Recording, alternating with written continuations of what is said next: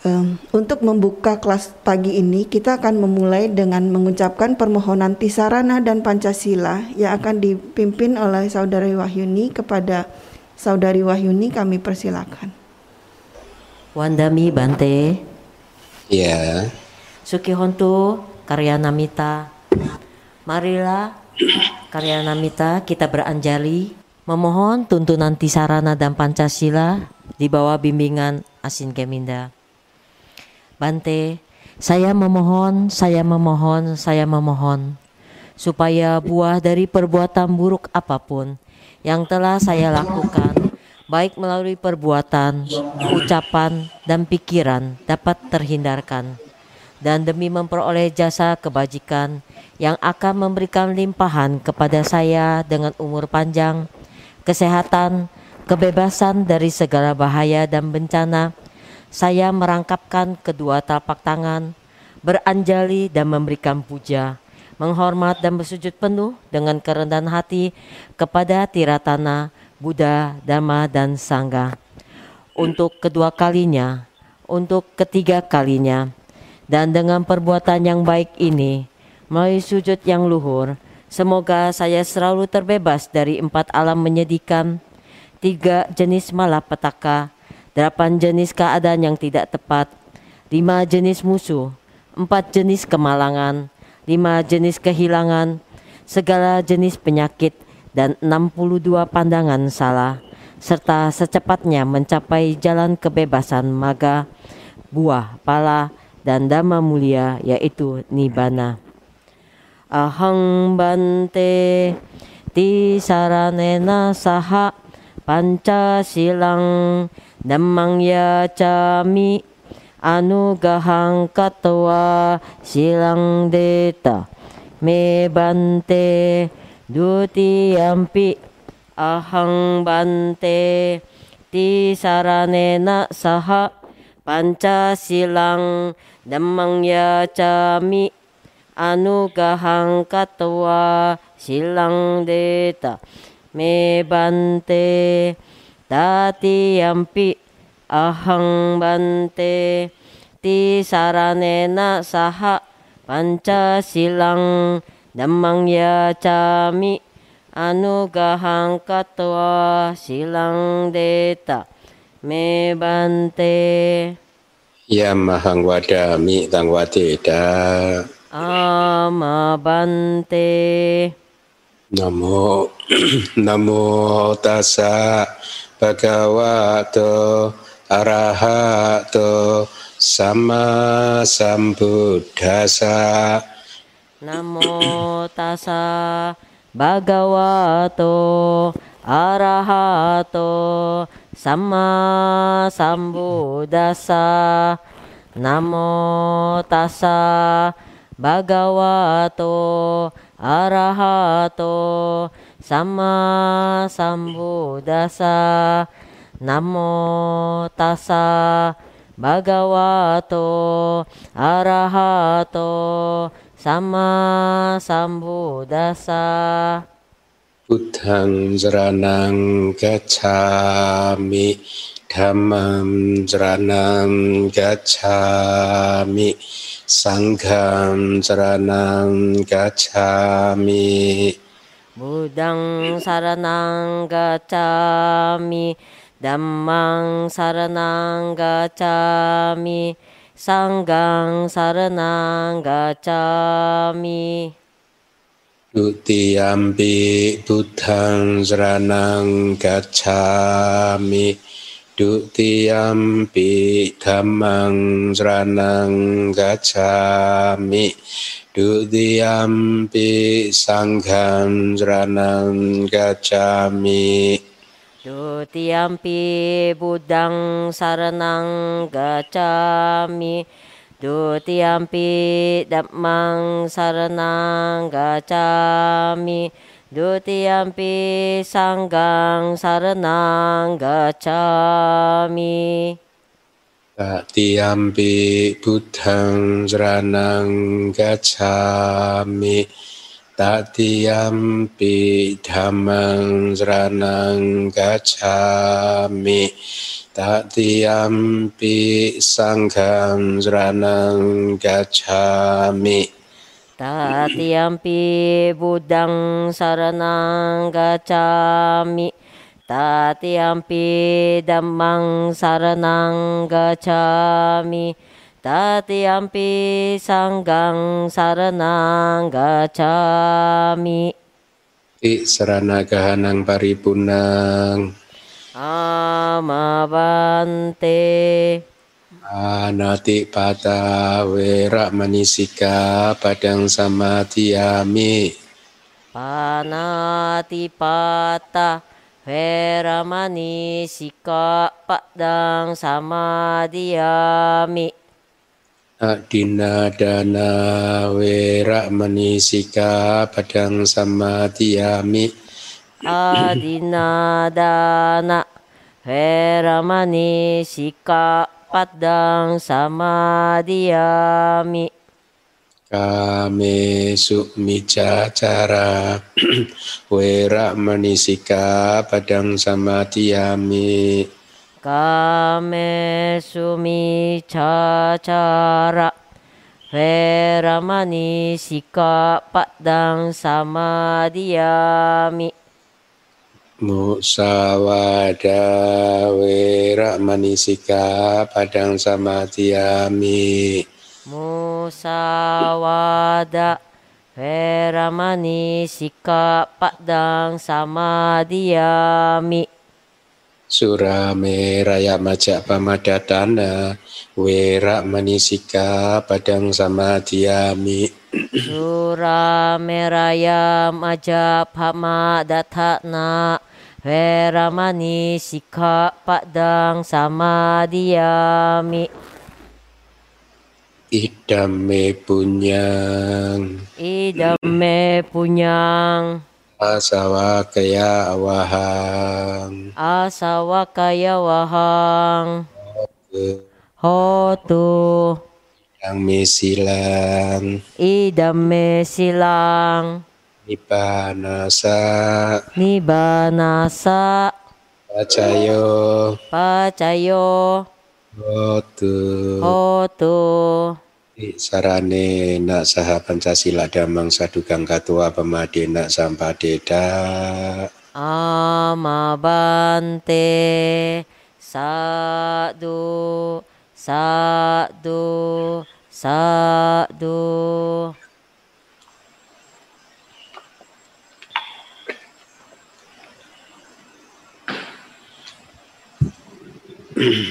baik.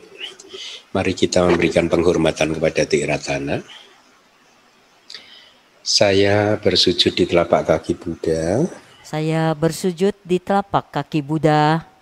Guru Agung yang mulia. Guru Agung yang mulia. Saya memuliakan damanya yang sejati. Saya memuliakan damanya yang sejati. Dan menjura kepada Sangga. Dan menjura kepada Sangga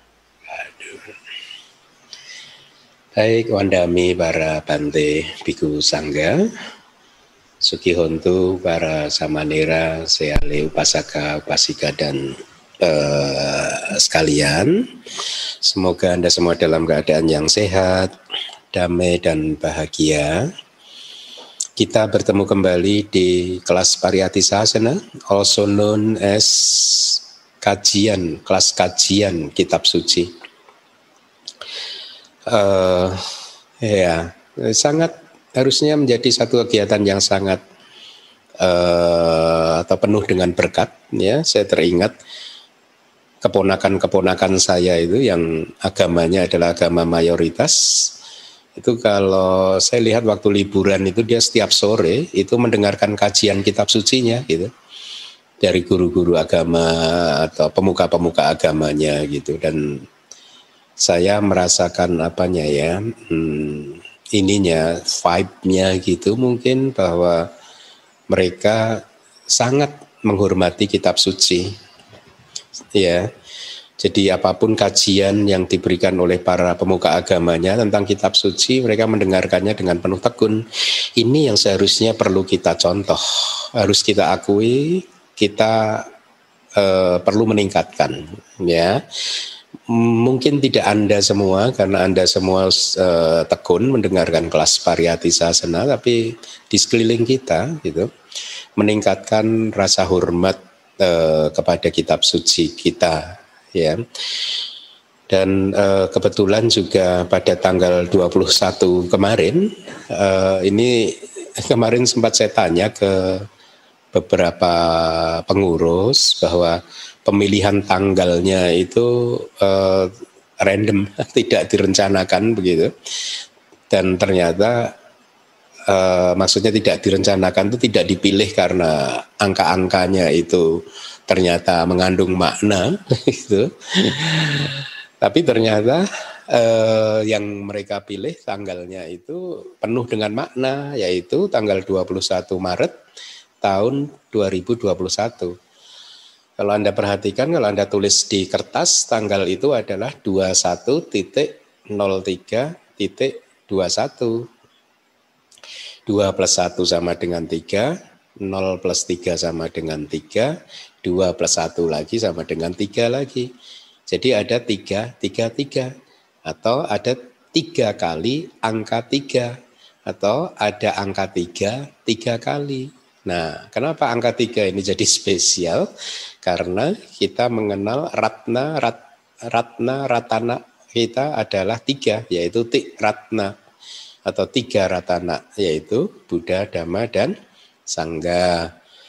Kemudian kalau kita ingin mencapai eh, maga, palak, dan nibana, kita harus mengembangkan tiga, tiga latihan, yaitu sila, samadhi, dan panya sila sika, samadhi sika, panyasika atau latihan sila, atau praktek sila, praktek samadhi dan praktek uh, kebijaksanaan ya. Uh, ajaran Buddha juga terdiri dari tiga aspek, angkanya tiga lagi, yaitu pariyati, pati-pati, pati weda. Jadi semuanya serba tiga, uh, tiga, tiga gitu. Angka spesial itu adalah hari e, diluncurkannya buku Gahak Pati Waga, terjemahan langsung dari bahasa Pali untuk suta dan atakatanya atau suta dan kitab komentarnya. Ya, dan angka itu sekaligus juga menjadi titik awal milestone begitu untuk e, proses kita semua di Indonesia mempunyai kitab suci yang diterjemahkan langsung dari bahasa palinya atau langsung dari bahasa aslinya dan tidak hanya kitab suci Tripitaka saja yang diterjemahkan tapi juga kata-katanya. Jadi harusnya sudah semakin bagus karena seperti yang sudah saya sampaikan berulang kali Bagaimana sih kita bisa memahami apa yang dimaksudkan oleh Buddha tanpa membaca kata-kata, tanpa bantuan kitab komentar? Mustahil kan? Coba Anda renungkan. Suka apa pun Anda baca, lalu bagaimana Anda memahaminya?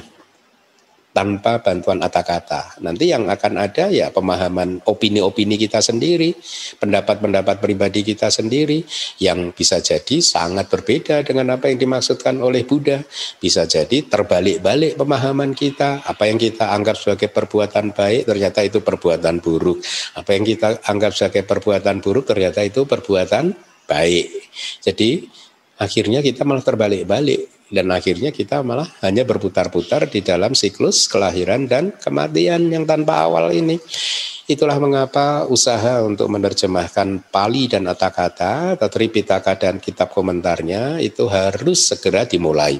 Dan usaha itu sudah dicanangkan, sudah dimulai pada tanggal yang istimewa yaitu tanggal 21.03.21 ya 21.03.21 angka yang cantik Ya, mudah-mudahan ibaratnya benih pohon bodi, benih kemarin sudah ditanam pada tanggal 210321 itu, ya.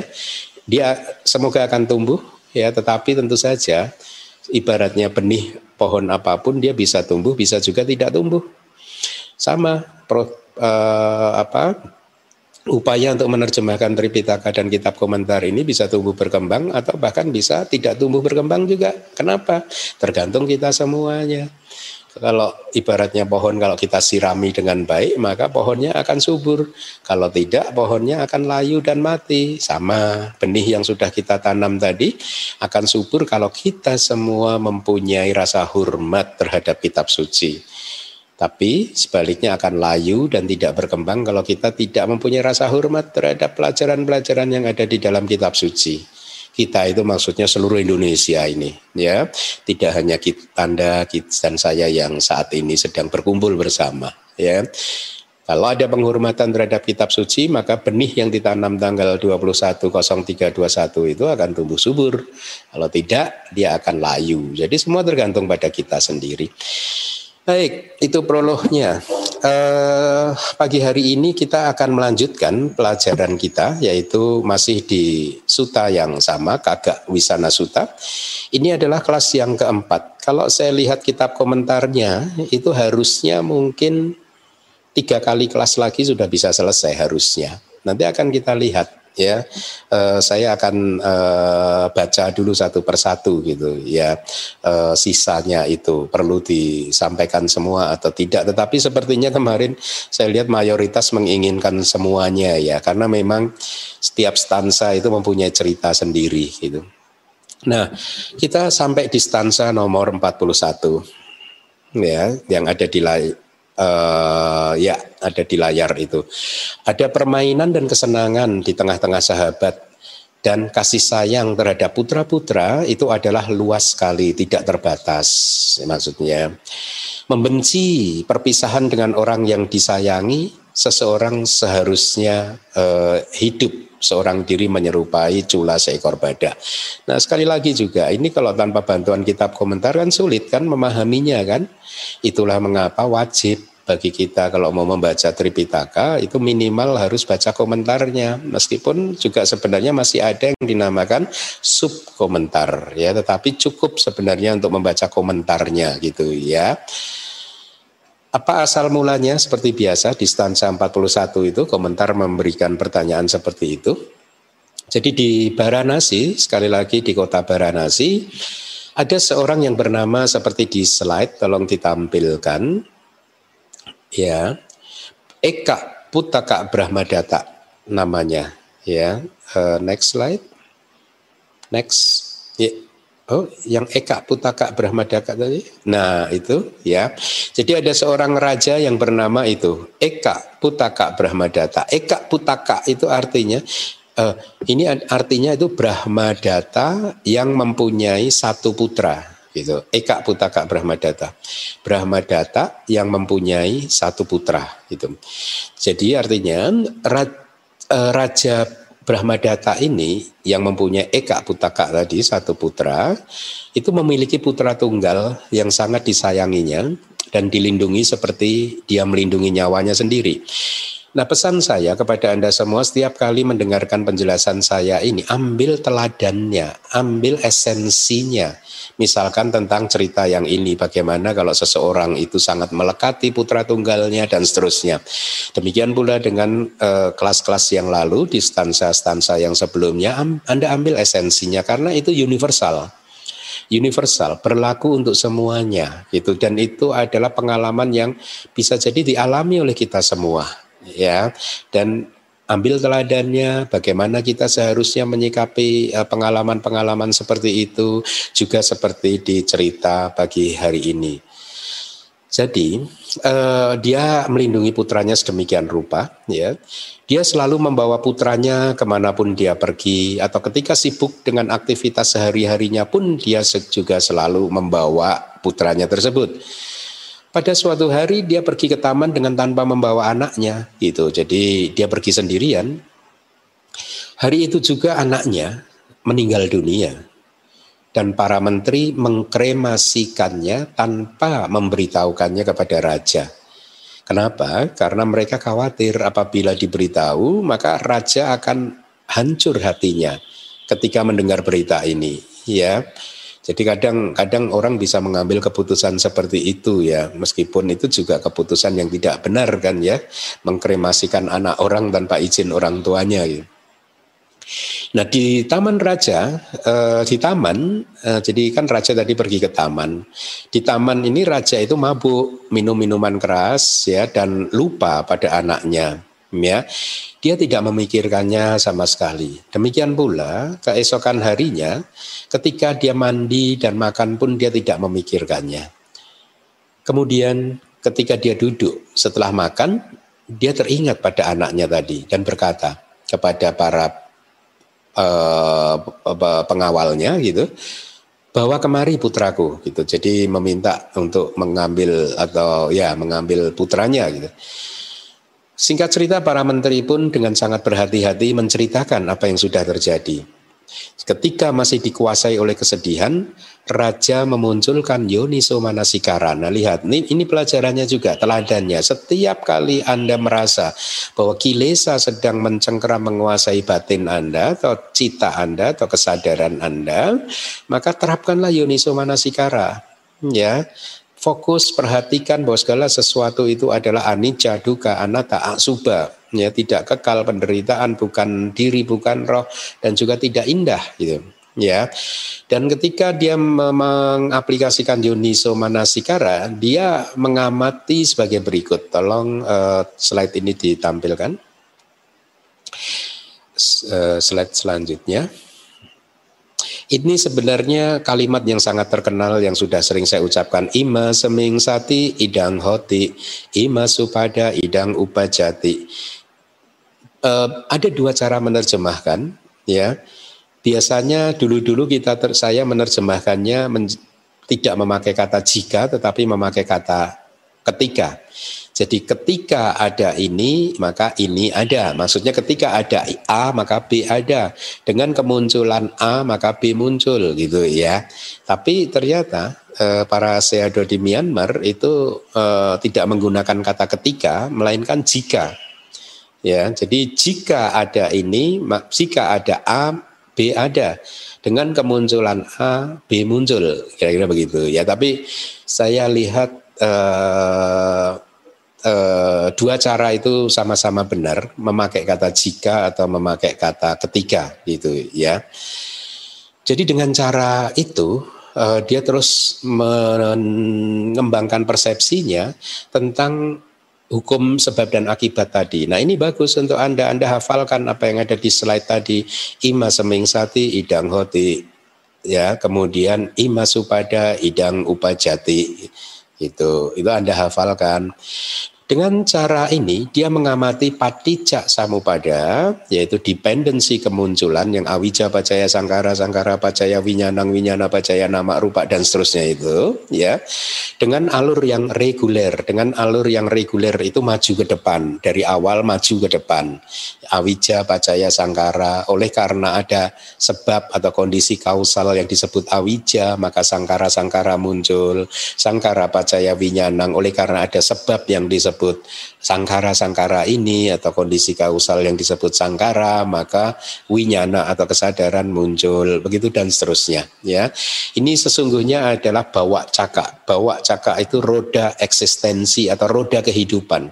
Jadi kehidupan kita itu berputar sesuai dengan hukum padicak samupada itu ya bukunya sedang saya tulis nanti mudah-mudahan bulan Juli bisa di uh, bulan Juli atau bulan kapan ya bisa diluncurkan oleh DBS gitu. Nah, tidak hanya uh, Raja tadi merenungkan Patijak Samupada dengan cara atau alur yang reguler, tetapi juga yang sebaliknya perputaran baliknya, kehancurannya. Awijaya tuewa asesa wiraga niroda sangkara nirodo gitu ya.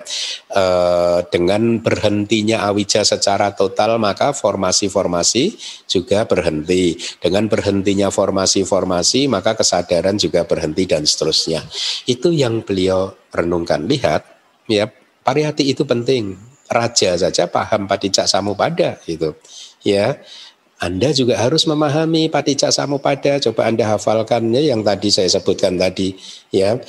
ima seming sati idang hoti ima supada idang upajati. Sesungguhnya ada lagi ima seming a sati idang nak hoti ima sak niroda idang nirojati. Jika ini berhenti ya ima seming jika tidak ada ini maka ini berhenti gitu. Dengan berhentinya ini maka itu berhenti begitu. Jika tidak ada ini maka tidak ada itu dengan berhentinya ini maka itu berhenti kira-kira begitu. Ya. Terus juga anda hafalkan paticca samupada awija pacaya sangkara sangkara pacaya winyanang. Jadi anda akan mulai pelan-pelan mengembangkan persepsi untuk memahami kehidupan ini. Perputaran kehidupan anda itu berputarnya seperti apa begitu. Ya. Nah akhirnya uh, raja singkat cerita uh, syair yang tadi disampaikan itu diucapkan oleh raja tersebut ketika beliau merealisasi uh, pencerahan sebagai seorang bodhisatta. Tolong slide-nya ditampilkan lagi stansanya.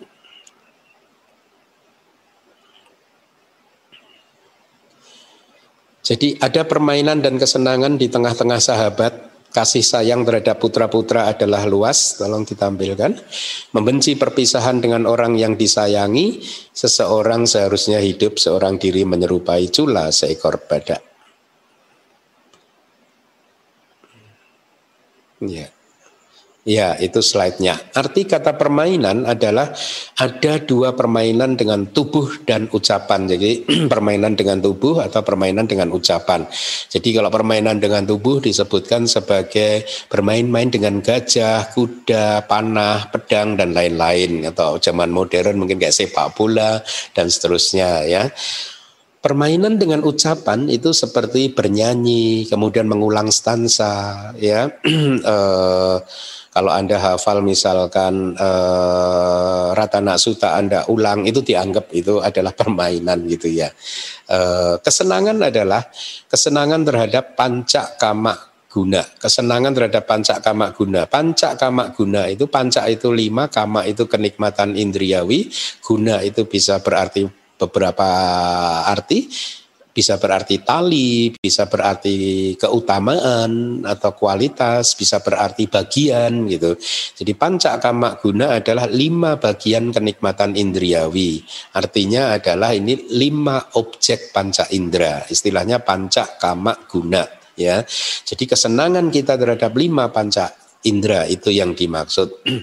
Kemudian kasih sayang terhadap putra-putra adalah luas, artinya uh, uh, diberi perumpamaan kasih sayang terhadap putra itu sampai menusuk ke tulang, masuk ke dalam ke dalam tulang sumsum -sum, begitu ya, menembus ke tulang sumsum -sum, gitu. Itu diumpamakan seperti itu gitu. Nah, itu adalah stansa 41, sangat singkat. Kemudian next stansa 42. Next slide. Oh, 42 nggak ada. Ya. Seseorang yang tanpa antipati merasa di rumah di empat penjuru yang bahagia dalam keadaan apa pun. Disertai dengan tanpa ketakutan terhadap bahaya, seseorang seharusnya hidup seorang diri menyerupai cula seekor badak. Apa asal mulanya? Di masa lalu diceritakan ada lima paceka bodhisatta lihat kita selama ini mengenal bodhisatta saja kan? Itu adalah makhluk yang beraspirasi untuk menjadi Buddha. Nah sekarang Anda mengenal lagi istilah paceka bodhisatta yaitu makhluk yang beraspirasi untuk menjadi paceka Buddha gitu ya. Jadi lima paceka bodhisatta ini menjadi biku di dalam ordo atau sasana Buddha Kasapa ya di dalam uh, ordonya Buddha Kasapa. Setelah menjalankan praktek kepergian dan kepulangan selama 20 tahun, ya, itu seperti yang lalu, praktek kepergian dan kepulangan, mereka lahir di dunia para dewa. Setelah meninggal dari sana, yang tertua itu lahir sebagai raja kembali di kota Baranasi, ceritanya itu berpusat di situ. Empat yang lainnya menjadi raja-raja kecil di pinggiran kota. Jadi ceritanya dikatakan hampir sama dengan stansa yang sebelumnya. Empat raja kecil itu meninggalkan kerajaannya dan mempraktekkan meditasi dan secara bertahap mereka semua mencapai atau menjadi paceka Buddha gitu ya. Jadi ketika mereka sudah tinggal di lembah e, Nanda Mulaka yaitu lembah di mana para pacik Paceka Buddha berada di pegunungan Himalaya di satu wilayah yang disebut sebagai uh, uh, Gandak Madana kalau nggak salah ya, Gandak Madana. Satu suatu hari mereka mengarahkan perhatiannya uh, untuk mencari tahu karma masa lampau yang apa yang akhirnya bisa menghasilkan buah di kehidupan kali ini. Jadi ceritanya persis seperti yang di minggu lalu. Anda boleh dengarkan lagi kelas yang minggu lalu. Cara untuk mengetahui karma lampaunya begitu ya. Jadi mereka setelah mengetahui karma masa lampaunya dan akhirnya mereka tahu, oh ternyata masih punya satu teman lagi dan kemudian mereka mencari tahu temannya yang satu ada di mana gitu. Nah singkat cerita mereka akhirnya menemukan bahwa temannya ini lahir sebagai Raja Baranasi. Kemudian mereka berempat berencana memberikan objek bagi temannya yang tertua. Jadi supaya temannya bisa melihat saja karena ini dianggap akan menjadi uh, trigger bagi temannya untuk uh, kemudian merealisasi kesucian Paceka Buddha gitu. Nah, di sepanjang malam pada satu malam gitu raja temannya tadi ya dari empat Paceka Bodhi eh, Paceka Buddha tadi terbangun hingga tiga kali karena ketakutan dan dia menangis dalam ketakutannya lalu lari ke atap gedung kerajaannya. Penasehat raja setelah bangun di pagi hari bertanya apakah e, raja bisa tidur nyenyak. Raja pun menjawab apa adanya. Penasehatnya berpikir tidak mungkin bisa menyembuhkan penyakit seperti ini dengan obat apa pun.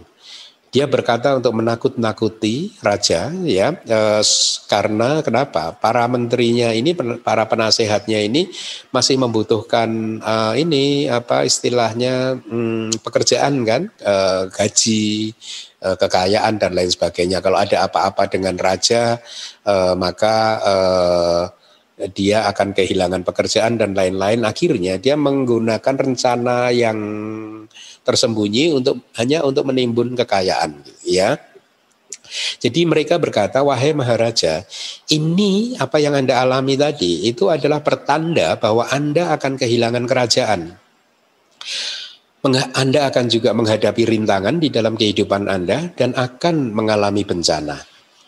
Lalu penasehat memberikan saran untuk melakukan upacara kurban. Anda harus melakukan kurban, kurban binatang, ya, disembelih binatangnya gitu. Dan mempersembahkan persembahan gajah-gajah, kuda-kuda, kereta kuda, jadi gajah yang masih hidup, kuda yang masih hidup, kereta kuda dan lain-lain dalam jumlah besar dan juga mempersembahkan emas-emasan juga gitu. Nah, singkat cerita di hari yang berbeda ya, para paceka Buddha setelah melihat ribuan binatang sedang dikumpulkan untuk kurban, menyadari apabila pembunuhan dilakukan oleh raja, maka karma itu akan menjadi karma yang eh, cukup berat begitu bagi raja untuk mencapai pencerahannya, akan menghalanginya begitu ya. Itulah mengapa kita harus selalu berhati-hati dengan sikap dan perilaku kita, ucapan kita jangan sampai Eh, perilaku apa pun itu akhirnya malah menjadi karma buruk yang menghancurkan kehidupan kita sendiri. Ya memang seperti itu. Makanya kan Buddha mengajarkan sang warak kan pengendalian diri kan, ya, supaya kita tidak leluasa untuk mengobrol kilesa-kilesa kita, meledakkan kilesa-kilesa kita. Nah akhirnya para Paceka Buddha memutuskan untuk menemui raja. Singkat cerita, mereka berempat sampai di wilayah kerajaan dan ketika berpindah patah mereka memasuki halaman kerajaan. Ya sengaja mereka masuk ke halaman kerajaan supaya raja melihat. Dan benar raja pun melihat mereka dari jendela dan seketika muncul rasa kasih sayang dari raja terhadap atau kepada para paceka Buddha tadi gitu Raja memanggil para paceka Buddha, mengundang dan mengarahkannya ke tempat duduk yang telah dipersiapkannya, dan dengan penuh hormat Raja mempersembahkan makanan kepada para paceka Buddha. Setelah selesai Raja bertanya seperti ini, siapakah kalian? Kemudian dijawab, kami adalah catuk disa. Catuk disa itu empat penjuru, artinya berarti orang yang ada di empat penjuru ya bahwa empat penjuru ini seperti rumah mereka itu kira-kira begitu seperti yang ada di stansa raja bingung bertanya kemudian apa artinya itu artinya dijawab kami tidak memiliki rasa takut dan cemas di mana pun kami berada di empat penjuru ini. Itu artinya catuk itu empat, disa itu penjuru, catuk disa. Lalu raja berkata, bagaimana itu wahai Bante bahwa Anda bisa tanpa rasa takut? Kemudian dijawab, wahai Maharaja, kami mengembangkan meta, karuna, mudita, upeka, empat Brahma Wihara.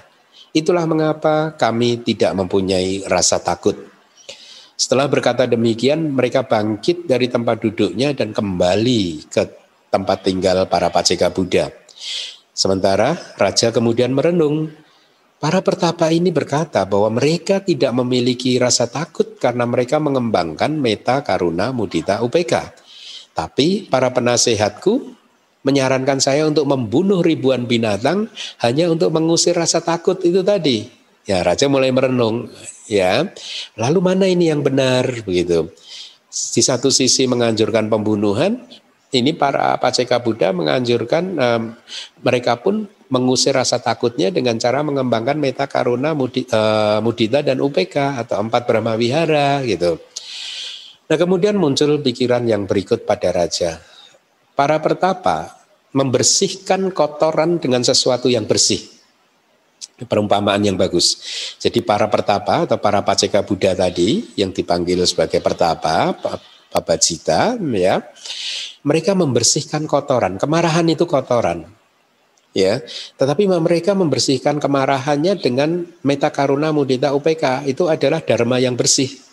Jadi mereka membersihkan kotoran dengan sesuatu yang bersih itu kata raja. Sedangkan penasehatku membersihkan kotoran dengan sesuatu yang kotor. Gitu ya. Jadi membersihkan ketakutan, kecemasan, kekhawatiran dengan menggunakan pembunuhan binatang ya.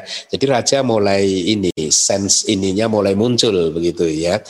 Jadi tidaklah mungkin bisa membersihkan kotoran dengan kotoran. Nah ini bagus untuk Anda semua. Tidak mungkin membersihkan kotoran dengan kotoran gitu ya. Jadi kata-kata para pertapa itu pasti benar dengan mengembangkan empat Brahma Wihara. Singkat cerita, akhirnya raja mengembangkan empat Brahma Wihara tersebut. Ketika batinnya telah dipenuhi dengan pikiran untuk keselamatan makhluk, untuk kesejahteraan makhluk, maka dia memerintahkan para menterinya demikian, seperti ini. Kalian semua tolong lepaskan semua makhluk-makhluk itu atau semua binatang-binatang tersebut. Berikan dia air minum yang sejuk dan berikan dia rumput yang segar. Berikan dia angin yang sejuk yang berhembus ke tubuh mereka para menteri pun menjalankan apa yang diperintahkan. Ini sangat mungkin karena metanya sudah muncul. Ya, e, meta itu kan e, universal kepada objek apa saja, ya, termasuk raja e, mengembang apa, mengarahkannya kepada binatang yang hendak dikorbankan tadi, gitu. Lalu raja merenung, karena mengikuti saran dari para kalyanamita, maka saya bisa terbebas dari perbuatan jahat. Kalyanamitanya adalah empat paceka Buddha tadi. Gitu. Setelah berwipasana, akhirnya raja mencapai tingkat pencerahan paceka, uh, paceka Buddha. Ketika waktu malam telah tiba, para menteri memberitahu dia. Jadi diceritakan bahwa ketika raja mencapai tingkat kesucian Paceka Buddha, seperti cerita-cerita di kelas-kelas sebelumnya, raja sedang duduk bermeditasi untuk menikmati kebahagiaan pencapaiannya tersebut ya. Dan menterinya datang memberitahu raja ini waktunya untuk uh, makan uh, makan wahai maharaja gitu.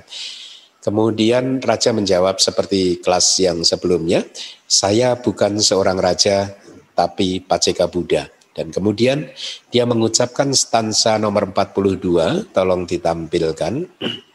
Seseorang yang tanpa antipati merasa di rumah di empat penjuru, artinya merasa di rumah di empat penjuru itu sebagai rumahnya, mereka artinya berbahagia dan damai di mana pun mereka berada di empat penjuru, ya. Atau mereka telah memancarkan empat Brahma Wihara di empat penjuru, ini maksudnya. Tanpa antipati, artinya tanpa antipati terhadap makhluk-makhluk, ya atau tanpa antipati terhadap keadaan-keadaan apa pun di mana pun di empat penjuru tersebut yang disebut sebabkan oleh ketakutan.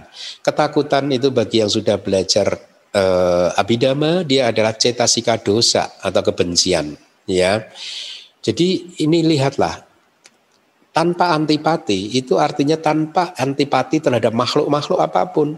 Juga dijelaskan di dalam kata-kata tanpa antipati terhadap keadaan-keadaan di mana pun di empat penjuru tersebut yang disebabkan oleh ketakutan. Jadi tidak hanya terhadap makhluk. Kadang kita itu lupa bahwa kemarahan kita, kebencian kita itu kadang itu juga bisa tertuju kepada keadaan, bisa tertuju kepada tempat, bisa tertuju kepada wihara, bisa tertuju kepada putih, bisa tertuju kepada bahkan batu-batuan, pohon-pohonan bisa. Ya, itulah mengapa uh, uh, di dalam kitab kita ada satu cerita yang uh, menarik, ya.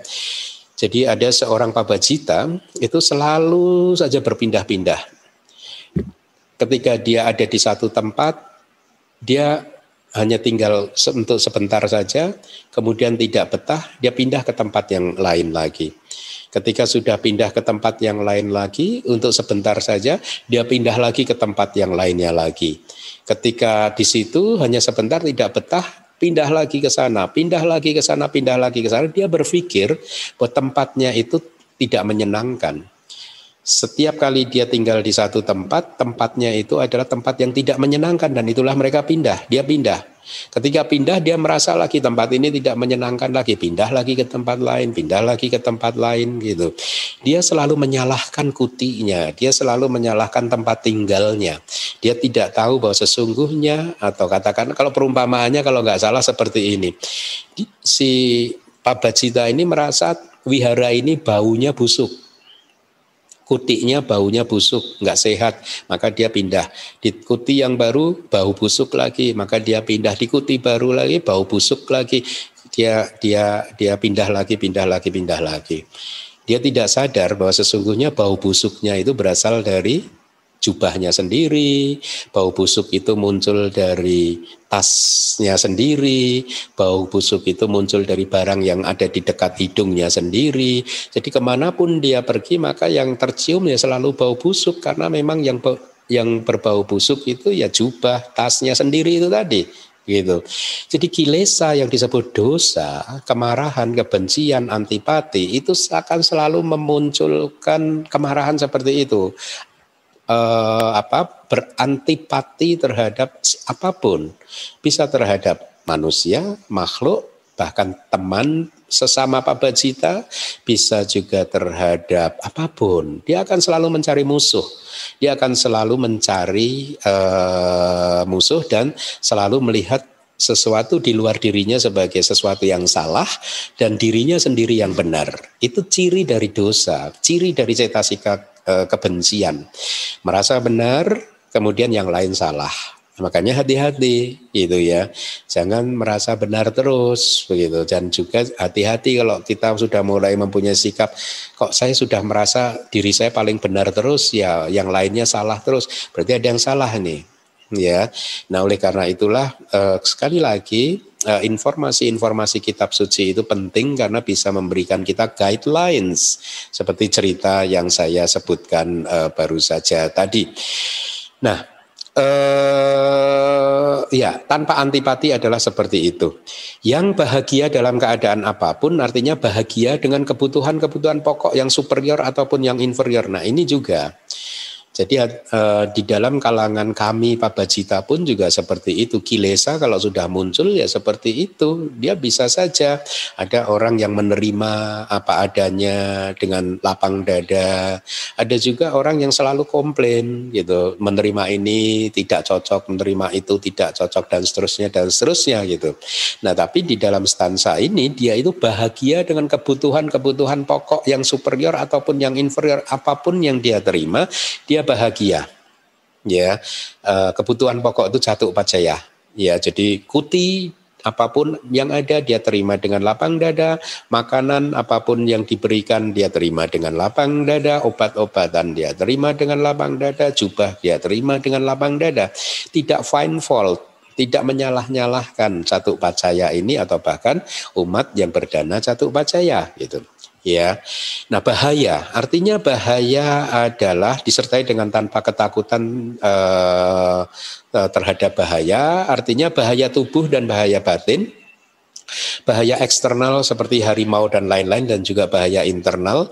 Nah, bahaya internal itu ya kilesa-kilesa kita itu tadi termasuk nafsu-nafsu kita gitu ya semua kilesa itu adalah bahaya internal jadi pesannya adalah kita harus sabar dalam menerima rintangan apa pun dan bahaya apa pun ya menerima itu semua dengan lapang dada dan tidak mudah bereaksi tidak reaktif. Itu sebenarnya jalan yang selalu diajarkan oleh para guru-guru kita. Jadi itu adalah arti dari stansa nomor 42. Next slide, kita ke stansa berikutnya. 43. Bahkan beberapa orang yang telah meninggalkan keduniawian pun sulit untuk dilayani Demikian pula para perumah tangga yang tinggal di dalam rumah. Ini juga menarik ini, ya. Lihat ya, perhatikan. Bahkan beberapa orang yang telah meninggalkan keduniawian pun sulit untuk dilayani. Saya rasa Anda para umat juga kadang bertemu dengan para babajita yang sulit untuk dilayani. Ya, saya harus menyampaikan itu. Memang tidak semua babajita itu mudah untuk dilayani.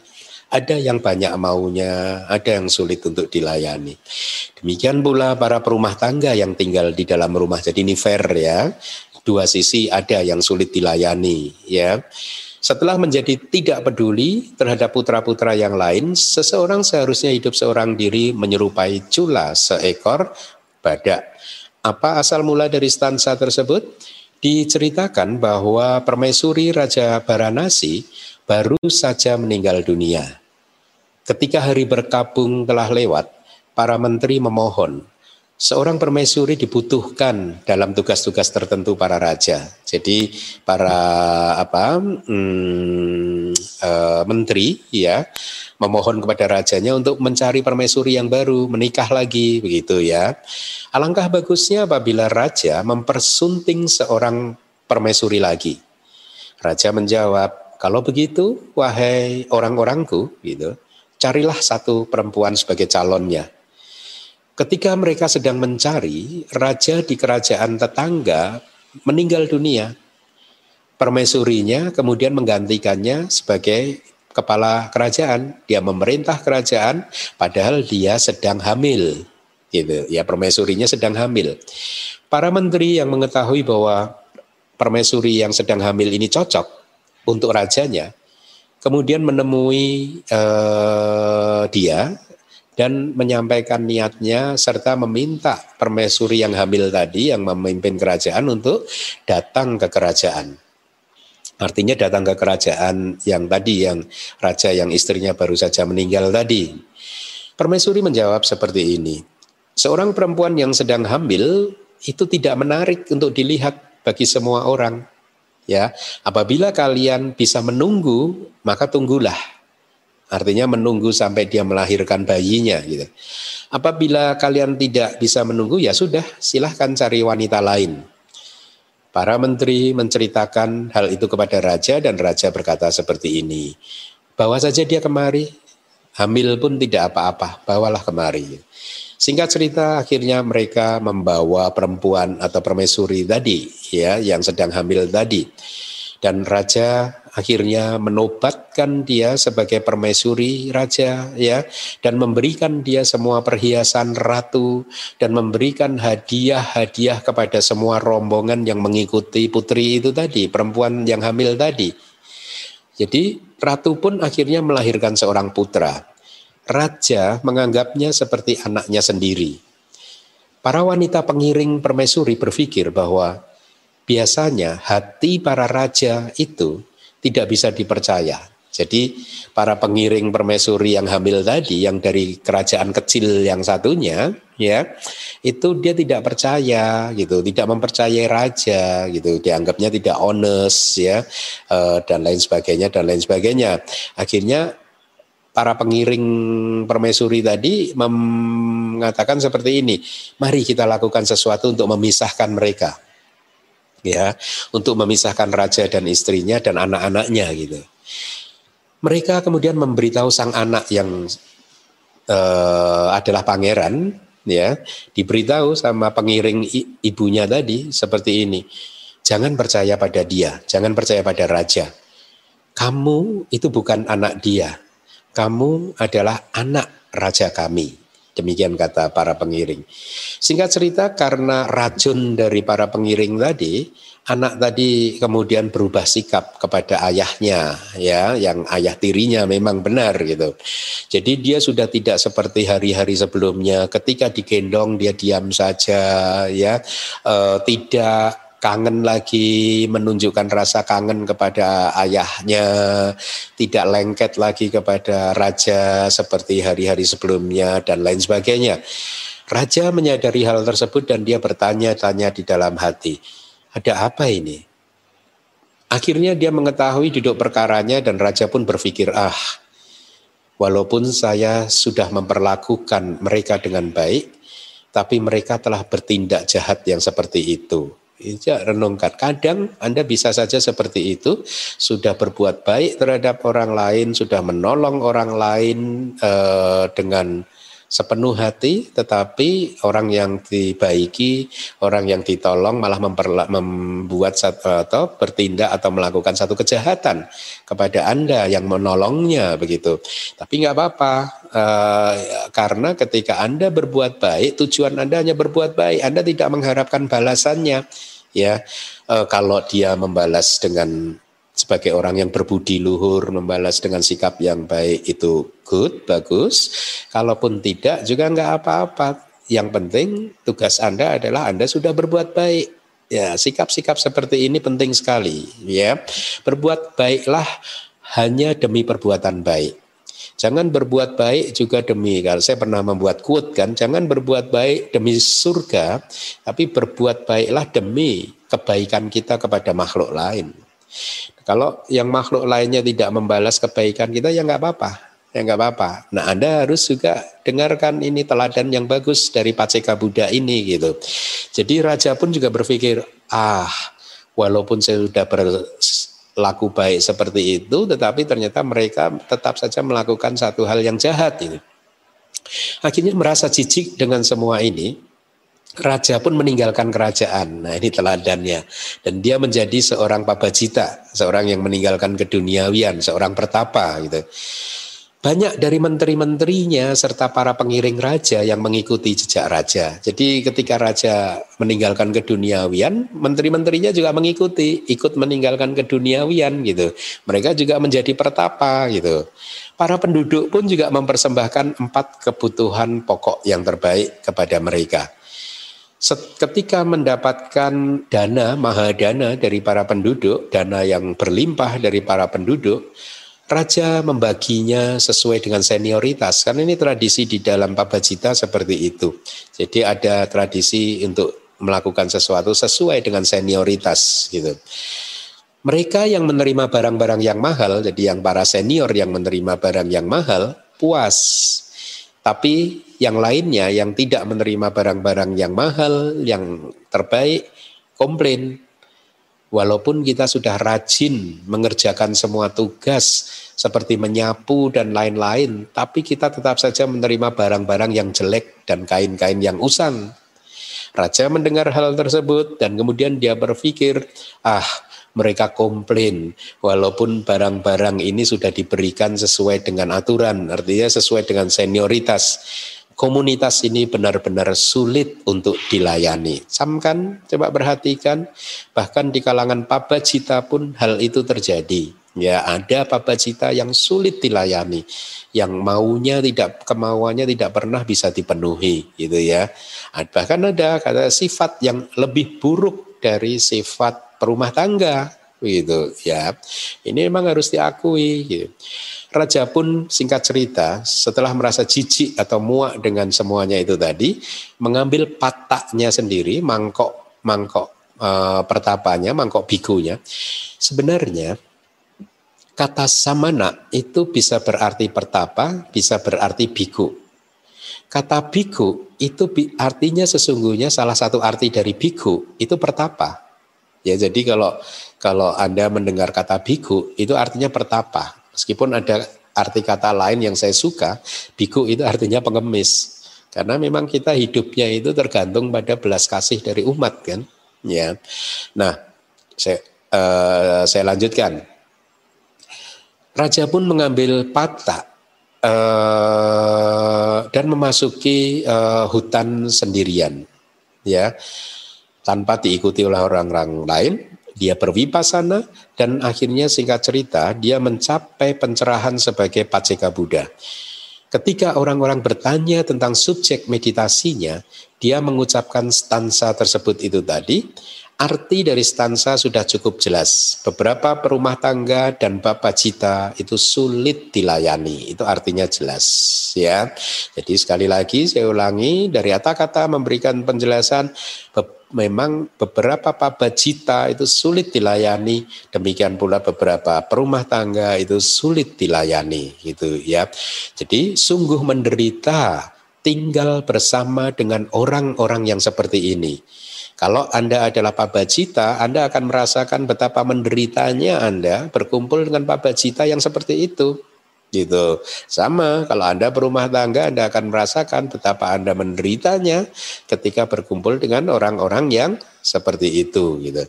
Ya. Oke. Okay. Itu tadi stansa 43. Next stansa 44. Setelah membuang ciri perumah tangga seperti pohon kowilara yang daun-daunnya telah rontok semuanya, setelah memutus ikatan perumah tangga, seseorang yang gagah berani seharusnya hidup seorang diri menyerupai cula seekor badak. Ya, ini juga menarik, ya. Uh, jadi diceritakan bahwa di Baranasi seorang raja yang bernama tolong slide-nya ditampilkan Catuk Masika Brahmadata ya Brahmadata empat bulan ya uh, pergi ke sebuah taman di bulan purnama di musim kemarau. Jadi Anda lihat kalau di Myanmar pun juga nama-nama bisa seperti itu. Tadi kita ketemu Brahmadata tapi Brahmadata yang catuk disa. Kalau ini catuk masika Brahmadata. Jadi untuk membedakan antara Brahma Data satu dan Brahma Data lainnya. Kalau di Myanmar juga seperti itu, makanya biasanya para Seado itu nama aslinya malah tersembunyi, malah diganti nama yang lain. Misalkan Mahasi Seado, Pak Au Seado. Pak Au itu bukan namanya Seado gitu ya, nama beliau adalah Seado Acina gitu. Nah, Pak Au itu nama kota, nama nama desa kalau nggak salah, nama hutan ya nama sebuah hutan di Molem yang saya sana itu.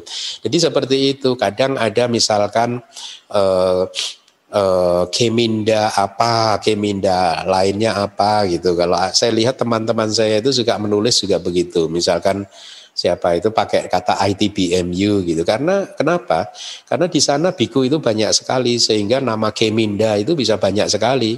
Jadi seandainya di Indonesia ini yang bernama Keminda itu banyak sekali, maka mungkin saya akan dipanggil sebagai Keminda DB, DBS gitu. Atau eh, kalau Myanmar biasanya DBS Seado atau Seado DBS, guru di DBS begitu. Kira-kira begitu. Nah, yang di slide itu Catuk Masika Brahmadata ya. Jadi dia adalah seorang raja yang uh, kemudian pada suatu hari dia pergi ke sebuah taman di bulan purnama di musim kemarau. Di sana dia melihat pohon kowi lara yang dikelilingi dengan rumput-rumputan yang subur di area yang menyenangkan untuk dilihat. Kemudian dia memerintahkan tempat untuk tidur atau rebahan ya, mungkin kayak tikar begitu, dipersiapkan di bawah sebuah pohon, salah satu dari pohon yang ada di sana. Setelah bersenang-senang di taman seharian, di sore hari dia kembali ke tikarnya tadi dan rebahan di sana.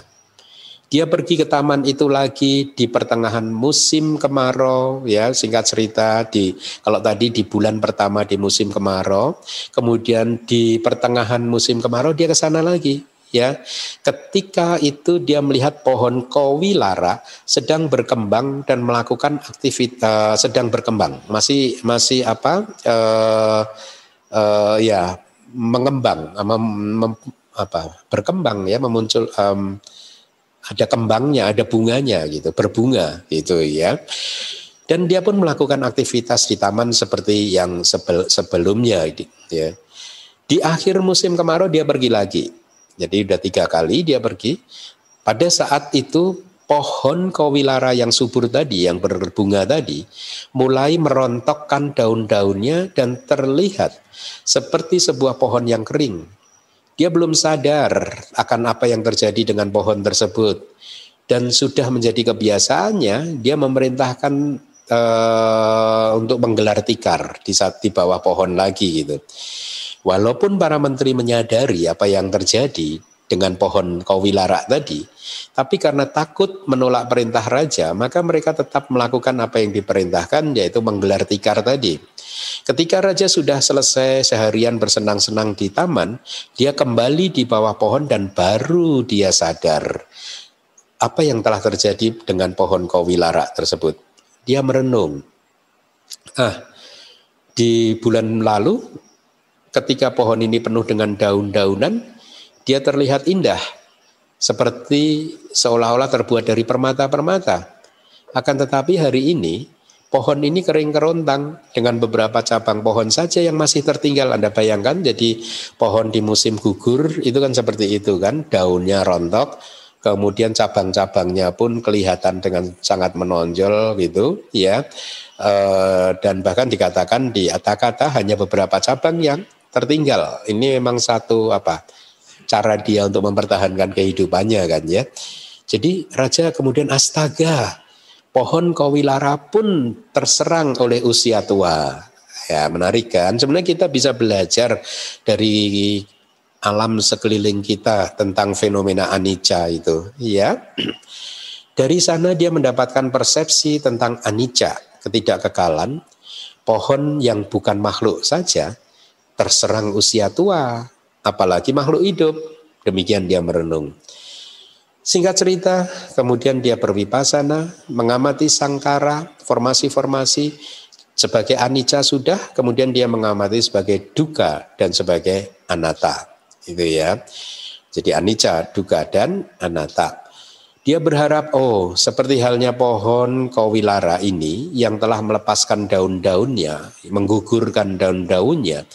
Demikian pula saya akan membuang tanda dan ciri umat perumah tangga, akan menggugurkan tanda dan ciri umat perumah tangga. Secara bertahap bahkan saat masih rebahan di sana di bawah pohon dengan bersandar pada tubuh bagian kanan seperti seekor singa seperti tidurnya Buddha itu kan dia kan hanya, uh, beliau itu tidur hanya rebahan dengan uh, tang, uh, sisi kanan ditopang oleh sisi tubuh bagian kanan seperti seekor singa. Uh, dengan bersandar pada tubuh bagian kanan dia merealisasi pencerahan sebagai seorang paceka Buddha ya. Ketika sudah tiba waktunya untuk pulang, para menteri berkata kepada raja, "Ini sudah waktunya untuk pulang wahai Maharaja." Tapi raja menjawab seperti tadi, "Saya bukan raja, tapi seorang paceka Buddha." Jadi perhatikan, ini salah satu poin. Setiap realisasi itu diketahui oleh kita sendiri. Ya. Jadi Paceka Buddha itu tahu dia sudah merealisasi tingkat kesucian Paceka Buddha. Dan ketika Paceka Buddha itu tiba di Gandak Madana, ya, dia disambut oleh para Paceka Buddha yang lain seperti di kelas yang pertama dan ketika ditanya uh, ceritanya apa yang terjadi, maka Paceka Buddha tadi uh, menjawab uh, sesuai seperti dengan apa yang ada di stansa 44 tolong ditampilkan. Setelah membuang ciri perumah tangga itu dijelaskan sebagai setelah menyingkirkan dan mencukur rambut ya seperti para biku mencukur jenggot. Jadi jenggot itu dianggap sebagai ciri dan juga tanda perumah tangga. Memakai pakaian putih dikatakan di dalam kitab komentarnya dan Oh sorry, bukan. Setelah menyingkirkan pakaian putih, karena pakaian putih itu juga ciri dan tanda umat perumah tangga Kemudian juga menyingkirkan perhiasan, kalung, wewangian, minyak, urapan, perempuan-perempuan, anak-anak, budak-budak perempuan dan budak laki-laki dan seterusnya. Ya, yang daun-daunnya telah rontok, artinya adalah daun-daunnya itu telah berguguran. Setelah memutus ikatannya orang awam, artinya setelah memutusnya dengan cara atau dengan jalan atau melalui maga nyana. Ini istilah abidama, maga nyana, pengetahuan jalan. Ya, Seorang yang gagah berani artinya orang yang memiliki wirya, energi, usaha yang dilengkapi dengan maga. Artinya ini adalah cetasika wirya yang ada di maga. Ya. Maga cita itu muncul bersama maksimal 36 cetasika, salah satunya adalah wirya. Ya. Jadi ini memang terminologi abidama. Ikatannya orang awam artinya ikatan-ikatan yang dinamakan kenikmatan indriawi ya. Kenikmatan indriawi itu adalah nafsu-nafsu kita untuk menikmati objek-objek panca indera. Ingin menikmati kepuasan-kepuasan melalui objek-objek panca indera itu sudah diputus. Kenikmatan-kenikmatan indriawi inilah ya uh, yang disebut sebagai ikatan, ikatan Anda juga wahai para perumah tangga yang mendengarkan ceramah ini ya. Sebenarnya ikatan juga untuk para pabajita. Kalau para pabajita tidak bisa mengendalikan panca inderanya ya dia akan terikat gitu. Nah, jadi eh, apa eh, setelah berkata oh saya mau membuang ciri-ciri perumah tangga ini seperti pohon kawilara yang merontokkan daun-daunnya. Saya akan kemudian berwipasana dan uh, uh, oh itu itu jawaban dari Paceka Buddha yang baru datang kepada ketika ditanya oleh para paceka Buddha di Gandak Madana tadi ya. Oh saya e, membuang ciri-ciri perumah tangga itu seperti pohon kawilara tadi yang merontokkan daun-daunnya. Dan kemudian saya berwipasana dan tidak lama kemudian saya mencapai pencerahan paceka Buddha. Demikian jawab paceka Buddha. Next slide. 45 Seandainya seseorang mendapatkan seorang sekutu yang bijaksana, sesama pengembara yang bijaksana, dan ber ber berperilaku yang baik, setelah mengatasi semua rintangan, seseorang harus hidup dengannya, bergembira dan penuh perhatian. Ini harusnya dua slide, sepasang. Oh ya. Next. Yang 46 Seandainya seseorang tidak mendapatkan seorang sekutu yang bijaksana, sesama pengembara yang bijaksana dan berperilaku yang baik. Setelah meninggalkan kerajaan yang sudah dikuasainya, seseorang harus hidup seperti seekor gajah raja matangga. Bagaimana kemunculannya? Diceritakan bahwa di masa lalu ada dua paceka Buddha Bodhisatta meninggalkan keduniawian dan menjadi biku di bawah uh, ordonya Buddha Kasapa ya. Setelah menjalani latihan, kepergian dan kepulangan selama 20 ribu tahun, mereka lahir di dunia para dewa. Ketika meninggal dunia dari sana, yang tertua lahir sebagai putra Raja Baranasi, yang muda lahir jadi putra penasehat raja.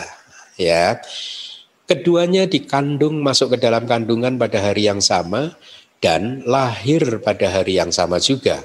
Mereka juga menjadi sahabat di masa kanak-kanak mereka. Putra penasehat raja adalah orang yang bijaksana. Jadi si anak yang menjadi putra penasehat raja ya, dia berkata kepada putra raja seperti ini, "Wahai teman, setelah ayahmu meninggal dunia, kamu akan mendapatkan kerajaan dan saya akan mendapatkan posisi sebagai penasehat raja." Dan itu sangat mungkin terjadi untuk seseorang yang telah terlatih untuk mengelola kerajaan. Artinya sangat mungkin, itu hanya mungkin apabila kita ini terlatih atau mempunyai ilmu, mempunyai keterampilan dalam mengelola uh, kerajaan. Untuk itu, kata temannya tadi yang putra penasehat raja, mari kita belajar berbagai ilmu pengetahuan mereka pun berdua mengembara hingga akhirnya mencapai atau sampai di sebuah desa untuk mengumpulkan makanan derma. Jadi mereka mengembara sebagai pertapa pengembara begitu ya. Singkat cerita, waktu itu Paceka Buddha juga masuk ke desa yang sama. Ya, penduduk desa sangat antusias ketika melihat Paceka Buddha, tetapi tidak antusias ketika melihat mereka berdua gitu. Mereka mempersiapkan tempat duduk buat para paceka Buddha, mempersembahkan makanan yang lezat, menghormati para paceka Buddha gitu ya. Lalu pikiran yang berikut itu muncul pada dua pemuda tadi. Mereka bukan orang-orang yang datang dari keluarga dengan status yang tinggi seperti kita loh. Jadi penduduk desa ini memberikan makanan derma ke kita ya ternyata tergantung pada keinginan mereka. Tetapi mereka memperlihatkan penghormatan yang sedemikian rupa pada biku-biku ini. Pastilah mereka mengetahui beberapa ilmu pengetahuan gitu. Master nih pasti ini gitu. Jadi mari kita belajar uh, dari mereka gitu. Ketika para penduduk telah pergi, mereka berdua mendekat mendekati para paceka Buddha dan berkata, Wahai para bante, ajarkanlah ilmu dan keterampilan pada kami.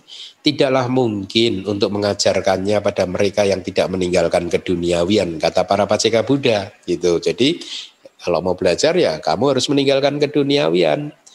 Dua pemuda tadi singkat cerita akhirnya memohon penahbisan dan mereka pun ditahbiskan.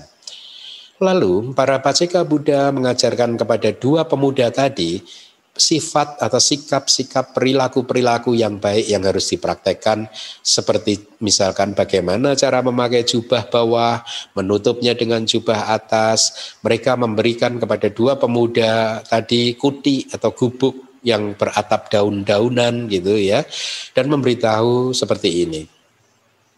Keberhasilan di dalam keterampilan ini sangat tergantung pada senang atau tidaknya kalian pada kesendirian kalian Itulah mengapa kalian harus kalau duduk duduklah sendiri, jalan jalanlah sendiri, berdiri berdirilah sendiri, tidur tidurlah sendiri. Demikian nasihat para paceka Buddha. Mereka berdua lalu masuk ke gubuk atau kutiknya masing-masing dan duduk bermeditasi. Sejak dari duduknya tersebut, putra penasehat raja berhasil mengembangkan konsentrasi yang baik dan akhirnya mencapai jana Sebaliknya, setelah beberapa saat putra raja menjadi jenuh, ya temannya ya putra raja jenuh dia karena tidak mencapai apa-apa. Biasa itu ya. Kalau meditator tidak mencapai apa-apa, kalau dia tidak terampil mengendalikan kilesa, maka kejenuhan bisa muncul. Itu nanti eh, salah-salah seperti tadi menyalahkan tempatnya begitu ya.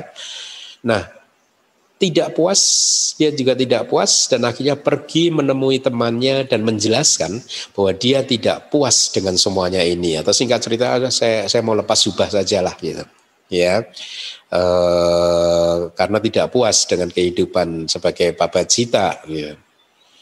dan saya dulu pernah kan ya menyampaikan satu cerita kan e, e, seorang biku umur 25-26 tahun mau lepas jubah tapi dia ragu dan akhirnya dia merenung di salah satu pagoda karena dia tidak bisa memutuskan harus lepas jubah atau tetap memakai jubah. Singkat cerita ketika dia bermeditasi di sebuah pagoda, ini cerita true story, cerita yang sesungguhnya terjadi di Myanmar. Singkat cerita ada seorang perempuan juga masuk ke pagoda dan dia semacam memohon begitu kepada dewa di pagoda tersebut, kepada Buddha Dhamma Sangga, semoga kebajikan saya. Jadi intinya permohonan dia, aspirasinya dia itu adalah seperti ini. Seperti yang diketahui saya saat ini umur juga udah 23 tahun. Nah, bikunya mulai mendengar nih, wah ada perempuan umur 23 tahun, dia umur 25 tahun, cocok ini gitu ya. Nah, kemudian perempuan tadi melanjutkan eh, apa aspirasinya di desa ini kalau perempuan umur 23 biasanya sudah pada menikah. Nah kok saya ini pacar aja belum punya. Nah si biku makin hidungnya kembang kempis. Wah ini jodoh saya ini pikirnya seperti itu kan. Dia lagi tidak bisa memutuskan untuk lepas subah atau tidak. Singkat cerita malah dikirim perempuan yang mempunyai aspirasi tersebut ingin mencari suami maka dia eh, perempuan tadi berkata wahai para dewa tolong kirimkanlah seorang calon suami yang baik untuk saya gitu. Bikunya makin kembang kempis lagi hidungnya, seneng dia. Dikiranya ini jodohnya dia gitu. Tetapi kalimat terakhir menghancurkan uh, angan-angannya. si gadis tadi berkata, tetapi para dewa, kalau Anda mengirimkan calon suami kepada saya, tolong jangan kirimkan laki-laki yang bekas biku, itu katanya. Ya, saya tidak ingin punya suami yang bekas biku itu dan dia kemudian menutup doanya tadi. Dia berjalan keluar uh, pagoda dan dikejar sama sama sama bantainya tadi yang umur 25 tahun dan dia bertanya kenapa Anda nggak mau menikah dengan bekas biku gitu. Kemudian perempuannya menjawab, ya bagaimana saya mau dinikahi oleh laki-laki yang nggak bijaksana seperti itu Bante. Apa maksudmu bekas biku adalah laki-laki yang tidak bijaksana gitu. Perempuannya berkata, ya jelaskan Bante, bekas biku itu pasti bukan laki-laki yang bijaksana. Kenapa? Karena ketika menjadi biku, dia itu eh, menempati posisi yang sangat terhormat. Dan ketika lepas jubah, dia masuk lagi ke status yang hina kalau di di di kitab suci itu begitu. Jadi ketika lepas jubah itu dikatakan seseorang masuk lagi ke status yang hina gitu katanya begitu. Ini dari kitab suci ya. Terus perempuan tadi mengatakan hanya orang yang bijak hanya orang yang tidak bijaksana bukan yang bisa menurunkan derajatnya dari derajat yang terhormat ke derajat yang hina gitu. Nah sehingga cerita bikunya akhirnya nggak jadi lepas jubah dan waktu saya di Myanmar uh, teman saya bilang beliau adalah biku yang sangat terkenal di Myanmar yang saya lupa namanya gitu. Jadi itu cerita dari teman-teman sekelas saya di ITBMU begitu ya. Nah jadi kembali lagi ke cerita di Suta, si anak raja tadi tidak puas ya. Singkat cerita dia mulai berkali-kali datang ke kuti temannya. Padahal temannya sudah e, mengatakan kan kita sudah dipesan untuk melakukan semuanya sendiri. Keberhasilan kita itu sangat tergantung pada kesendirian kita. Kita bisa menikmati kesendirian kita atau tidak. Kan para paceka Buddha berkata seperti itu ya. Nah, singkat cerita temannya yang anak raja tadi pulang, tapi besoknya datang lagi. Jadi terjadi beberapa kali seperti itu gitu, ya. Uh, si putra penasehat raja akhirnya berpikir seperti ini. Dia melalaikan tugas dan kewajibannya sendiri, malah kemar ke mengunjungi saya berkali-kali. Ya, uh, Lalu akhirnya si putra penasihat raja tadi pergi meninggalkan kutinya dan masuk ke hutan sendirian tanpa diikuti oleh uh, putra raja tadi. Temannya yang putra raja tidak bisa menemukan dia dan dia pun akhirnya si putra raja ini merenung. Ketika kami masih menjadi umat awam, dialah yang selalu datang menemui saya dengan membawa hadiah untuk saya.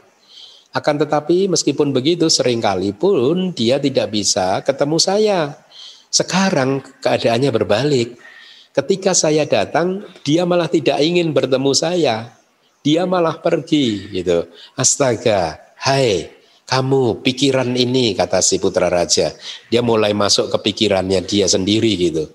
Kamu memalukan pikiran ini gitu. Karena kamu telah membawaku ke sini empat kali gitu. Ya, ke tempat uh, kuti temannya itu empat kali.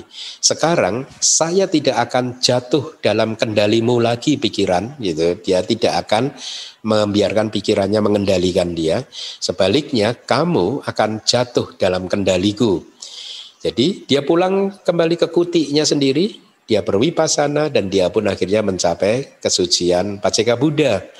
Temannya yang masuk ke hutan pun juga mencapai pencapaian yang sama, menjadi Paceka Buddha. Singkat cerita, akhirnya mereka berdua pergi ke lembah Nanda Mulaka di pegunungan Himalaya seperti biasa. Dan dia ditanya oleh para Paceka Buddha di sana tentang sejarah pencapaian dia. Dan mereka berdua mengucapkan dua stansa ini. Ya, tolong ditampilkan lagi stansanya.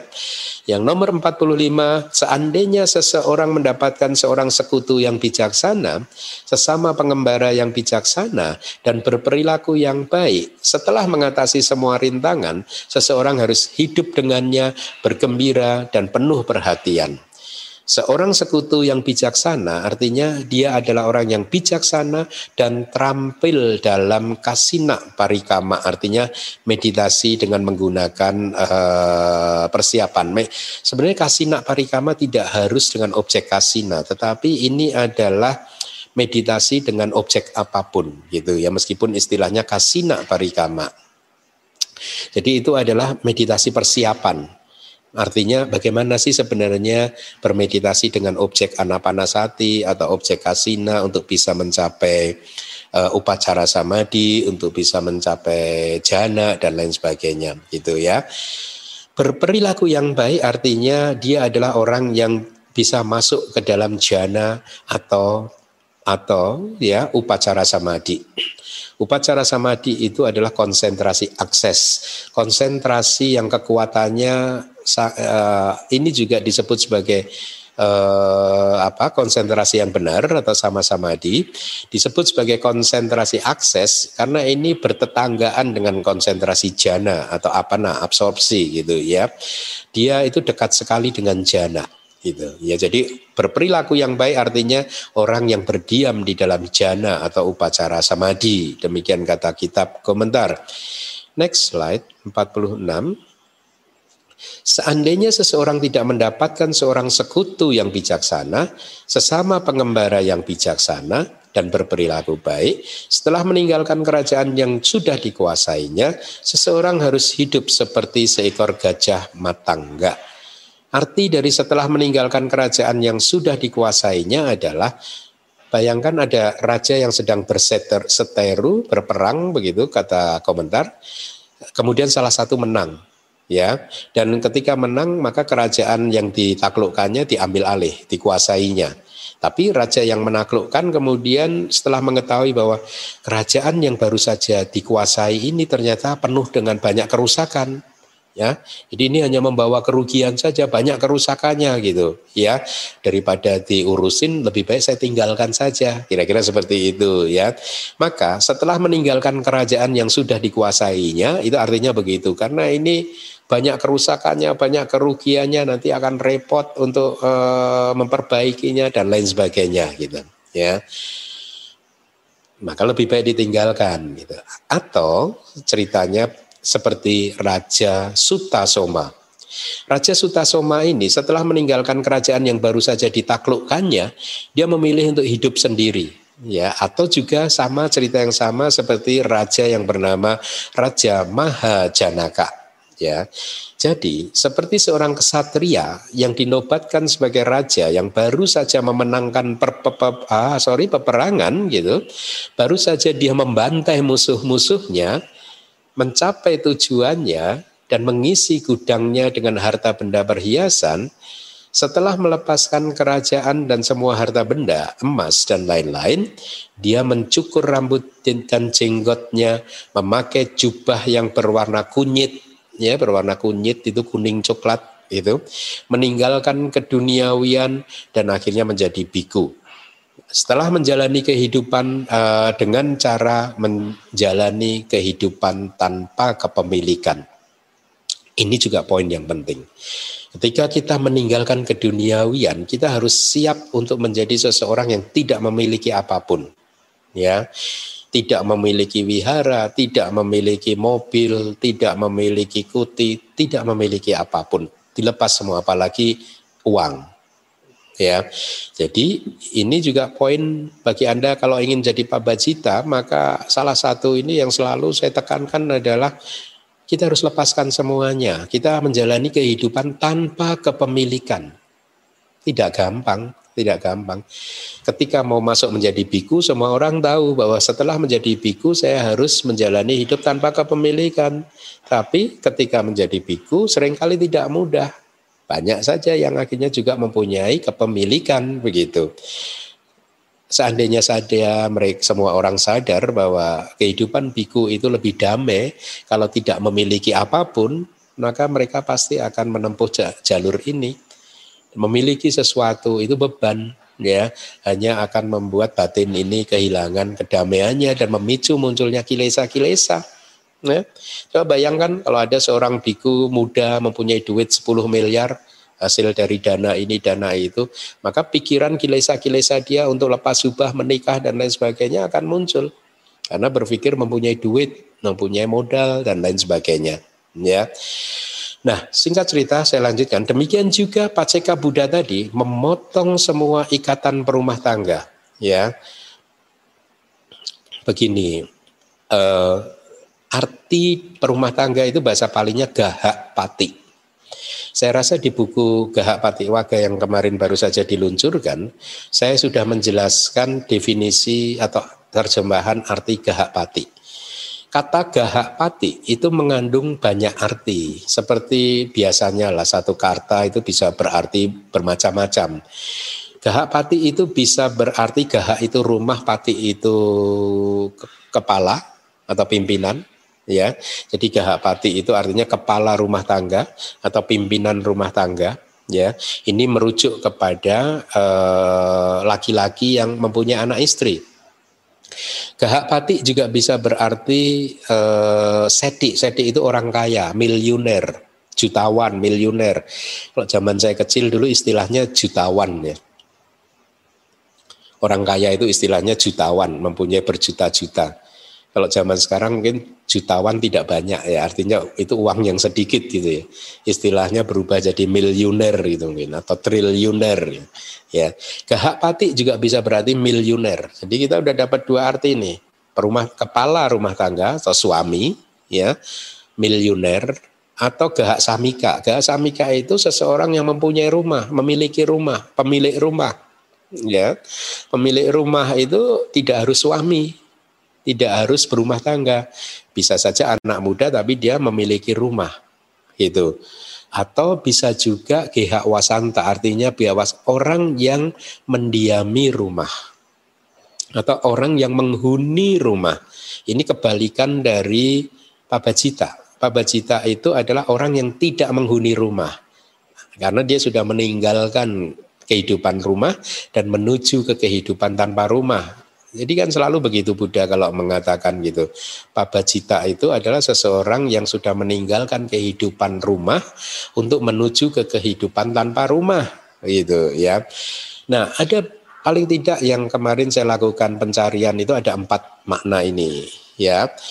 Suami, kepala rumah tangga, orang kaya, kemudian pemilik rumah atau penghuni rumah. Nah, di dalam Gahak Pati Waga, buku yang kemarin diluncurkan, karena tidak semua tokoh di dalam sepuluh suta itu adalah suami atau kepala keluarga, itulah mengapa Gahak Pati saya terjemahkan menjadi para penghuni rumah. Ya, demi apa? Untuk bisa memenuhi uh, semua yang ada di sana. Sebenarnya dari 10 suta di Gahak Patiwaga itu sebagian besar orang kaya sebenarnya. Seti, sebagian besar orang kaya. Dan tidak semua, saya, saya lupa, saya tidak mendapatkan kesan ada suami di sana. Artinya ada seseorang yang mempunyai anak istri di sana. Saya lupa, kayaknya nggak ada di 10 suta itu gitu.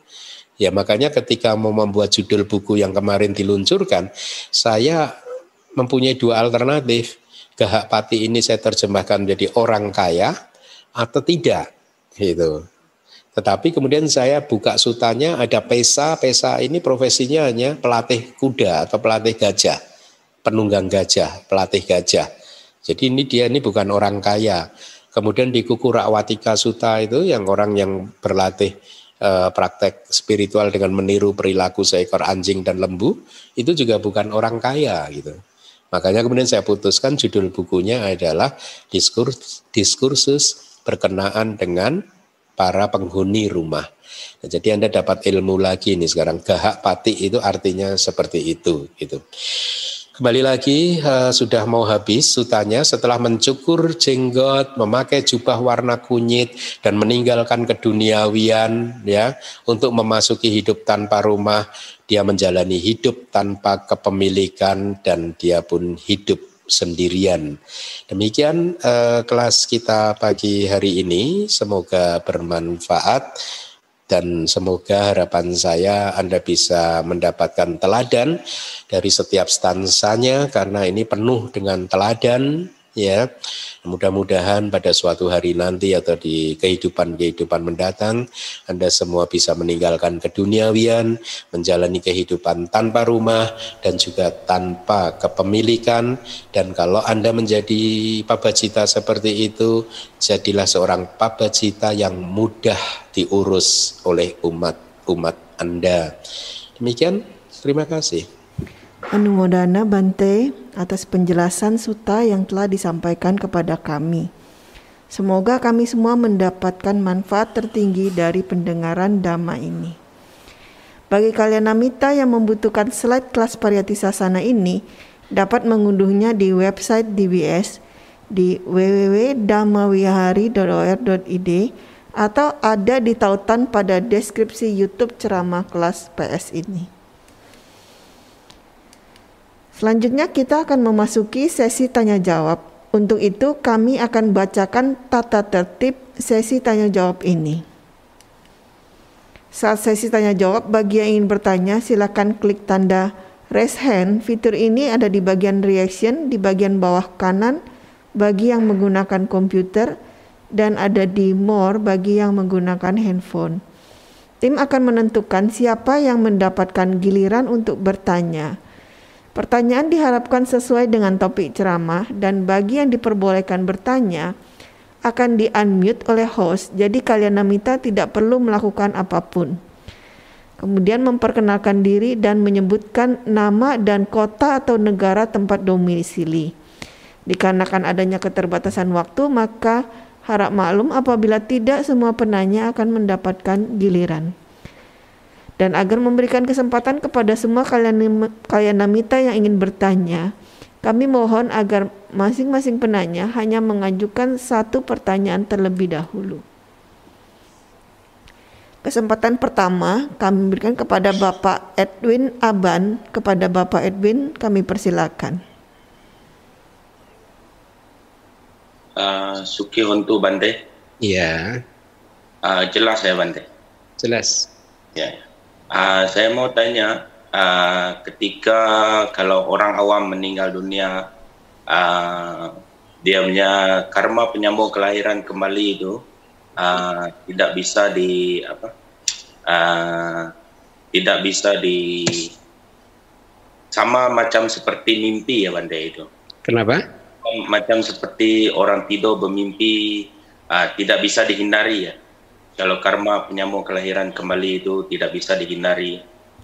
Sama seperti seorang yang tidur uh, ketika dia tidur dia bermimpi. Sama seperti itu ya Bande. Oh, oh penyambung istilahnya karma penyambung kelahiran kembali ya. Istilah itu mungkin kurang tepat tapi saya paham maknanya ya. Ya, ya. jadi di detik-detik terakhir uh, menjelang kematian seseorang ya uh, kalau secara teknisnya di proses kognitif yang terakhir itu sebelum seseorang itu meninggal dunia maka eh, bahasa sehari-harinya gitu orang tersebut atau arus kesinambungan batin dari orang tersebut akan mengambil salah satu dari tiga objek ini. Yang pertama adalah karma, jadi karma ini karma masa lampau dia, kemudian kama nimita tanda dari karma maupun ataupun gati nimita itu tanda tujuan. Karma itu adalah perbuatan-perbuatan masa lampaunya yang akan uh, muncul lagi dan itu seolah-olah sedang dia lakukan. Jadi seolah-olah itu fresh karma, seorang seolah-olah itu karma yang baru dilakukan atau sedang dilakukan. Karma nimita, tanda karma itu adalah uh, instrumen alat yang dipakai oleh seseorang atau orang tersebut ketika dia melakukan uh, karma. Kemudian gati nimita itu tanda tempat tujuan itu kayak kayak tanda di mana dia akan terlahir. Jadi kalau dia akan lahir di kandungan seorang ibu atau sebagai manusia, dia akan bisa melihat misalkan seperti kadang bisa kalau di kitab kita itu seperti seperti tumpukan kain sutra gitu. kadang melihat seperti gua berwarna merah darah begitu. Uh, atau kalau mau lahir di neraka dia melihat api dan lain-lain. Jadi itu tandanya gitu. Uh, apakah itu seperti uh, mimpi? Uh, tidak harus seperti mimpi ya Ya mungkin bisa, yes bisa seperti mimpi. Kita kalau bermimpi juga seolah-olah sedang terjadi seperti beneran kan, begitu sedang melakukan sesuatu itu. seperti benar-benar terjadi ya. Ya, bisa sih Pak. Hmm, boleh dikatakan seperti itu, seperti seolah-olah bermimpi begitu. Tapi eh, kita merasakannya bahwa itu kejadian yang benar-benar terjadi. Begitu Bapak. Ya, maksud mimpi itu apa? Kalau dalam agama Buddha itu mimpi itu apa ya, Bante? Oh, nah sekarang ini hal yang berbeda. Oh. itu hal yang berbeda begitu ya. Eh apa? Mimpi itu disebabkan oleh beberapa sebab. Satu oleh pubak nimita. Pubak nimita itu adalah uh, tanda tentang apa yang akan terjadi yang muncul sebelumnya. Jadi kita kayak bisa uh, mengetahui apa yang akan terjadi besok atau hari-hari berikutnya. Itu ya. Uh, itu sebab pertama. Sebab kedua adalah ketidakseimbangan elemen-elemen di dalam tubuh kita, misalkan seperti uh, cairan uh, kalau kalau teks itu mengatakan uh, dahak, lendir, kemudian cairan empedu kalau tidak seimbang maka mimpi akan muncul. Ini ini mudah dipahami sih sebenarnya. Uh, uh, dulu ketika saya masih suka sering demam gitu, kalau sedang demam itu tidur cenderung bermimpi begitu ya. Jadi intinya kalau kita lagi sakit biasanya mimpi muncul. Kalau yang tadi itu pubak nimita ya sesuatu yang akan terjadi gitu. Yang ketiga sebabnya itu adalah uh, per, sesuatu yang sudah kita lakukan sebelumnya.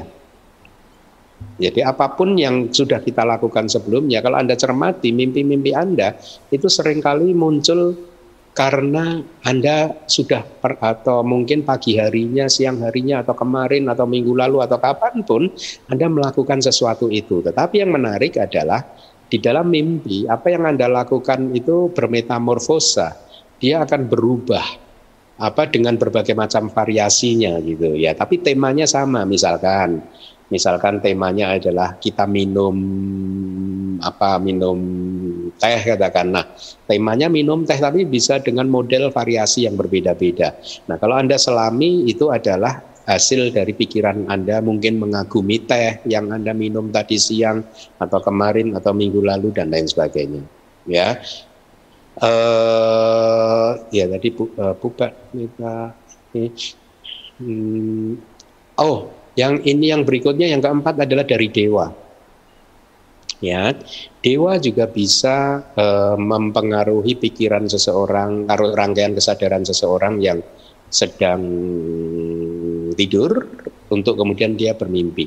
Bisa dua versi di dalam cerita kitab komentar dia bisa memberikan mimpi yang benar tapi juga bisa juga memberikan mimpi yang menjerumuskan ya. Mimpi yang benar itu ya mimpi yang memberikan informasi tentang sesuatu yang benar-benar akan terjadi dan itu membawa kebaikan bagi orang yang bermimpi. Mimpi yang menjerumuskan adalah memang dewanya itu bertujuan untuk menjerumuskan orang yang sedang bermimpi tadi Uh, saya pernah membaca kitab komentarnya seperti ini. Uh, jadi dewa ini mempunyai rasa tidak suka terhadap satu orang manusia dan dia bermaksud ingin menghukum manusia ini, ingin menjerumuskan manusia ini. Nah, tapi dia caranya adalah dengan masuk memberikan mimpi-mimpi mempengaruhi rangkaian kesadaran orang ini ketika dia masih tidur. Pada awal-awalnya dia memberikan informasi yang benar. Misalkan itu ya, dia memberikan informasi uh, di hutan yang bernama A ya di pohon yang seperti ini kalau kamu gali nanti di bawah pohon itu kamu akan menemukan harta karun atau perhiasan atau apa gitu ya. Sehingga cerita si orang tadi ketika bangun pagi eh, ingat pada mimpinya itu dia melakukan sesuai petunjuk mimpi dan ternyata dia menemukan harta karun beneran gitu. Ya, menemukan emas-emasan beneran. Lalu di hari yang berikutnya dewanya juga memberi mimpi yang benar lagi, ceritanya mirip-mirip seperti itu sampai akhirnya si dewa yakin bahwa uh, apa si orang yang bermimpi tadi itu sudah percaya pada dia sehingga ketika itu maka uh, pada kondisi yang seperti itu dewa memberikan informasi yang menjerumuskan. Jadi dewa memberikan objek mimpi kepada si laki-laki tadi dengan berkata bahwa besok setelah bangun kamu harus segera ke kerajaan menemui raja dan informasikan kepada raja bahwa penduduk semua laki-laki di desa yang bernama X, desa yang terbesar, itu sedang menghimpun kekuatan untuk memberontak kepada kerajaan. Ya, si laki-laki tadi percaya, menginformasikan kepada raja, raja marah, desa yang disebutkan di serbu ternyata tidak ada aktivitas itu. Itu dan raja pun malu. Akhirnya si laki-laki tadi dihukum. Ya begitu. Mimpi bisa seperti itu gitu kira-kira begitu pak ya kalau sering mimpi buruk itu tak bagus uh, cukup. In, untuk yang lainnya dulu ya. Ya terima kasih maaf maaf pak. Ya, ya, ya. Terima kasih penjelasannya, Mentik. Selanjutnya kepada Bapak Herman Sutiono, kami persilakan. Bapak Herman.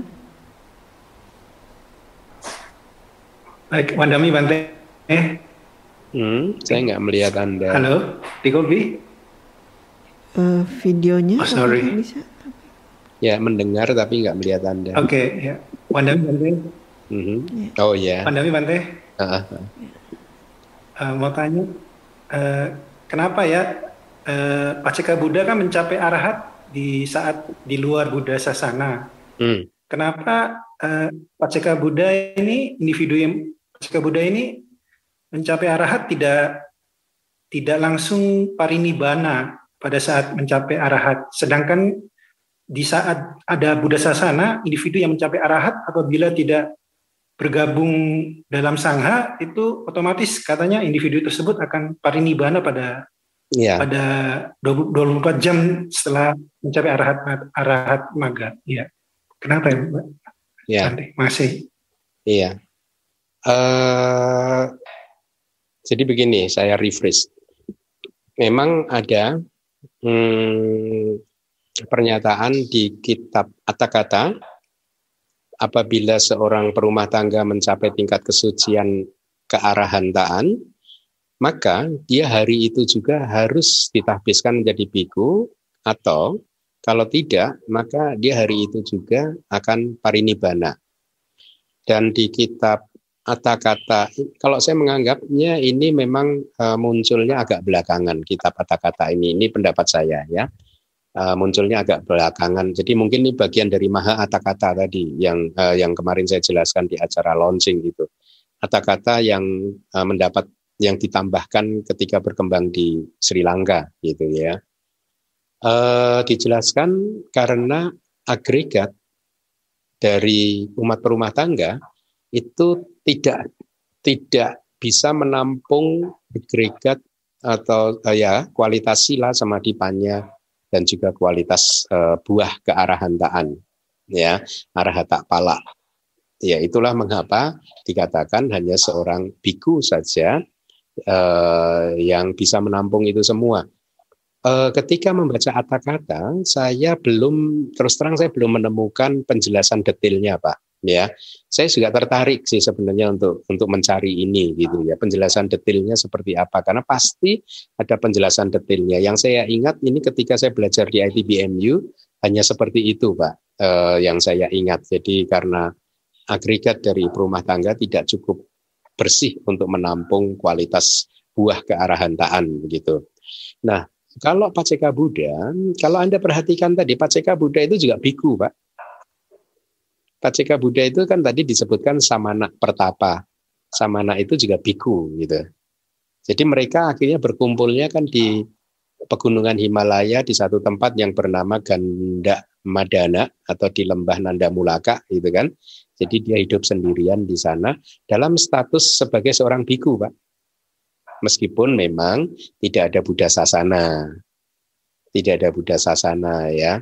Uh, tapi kalau Anda perhatikan tadi bahkan ada beberapa stansa yang mereka disebutkan memakai jubah berwarna kunyit.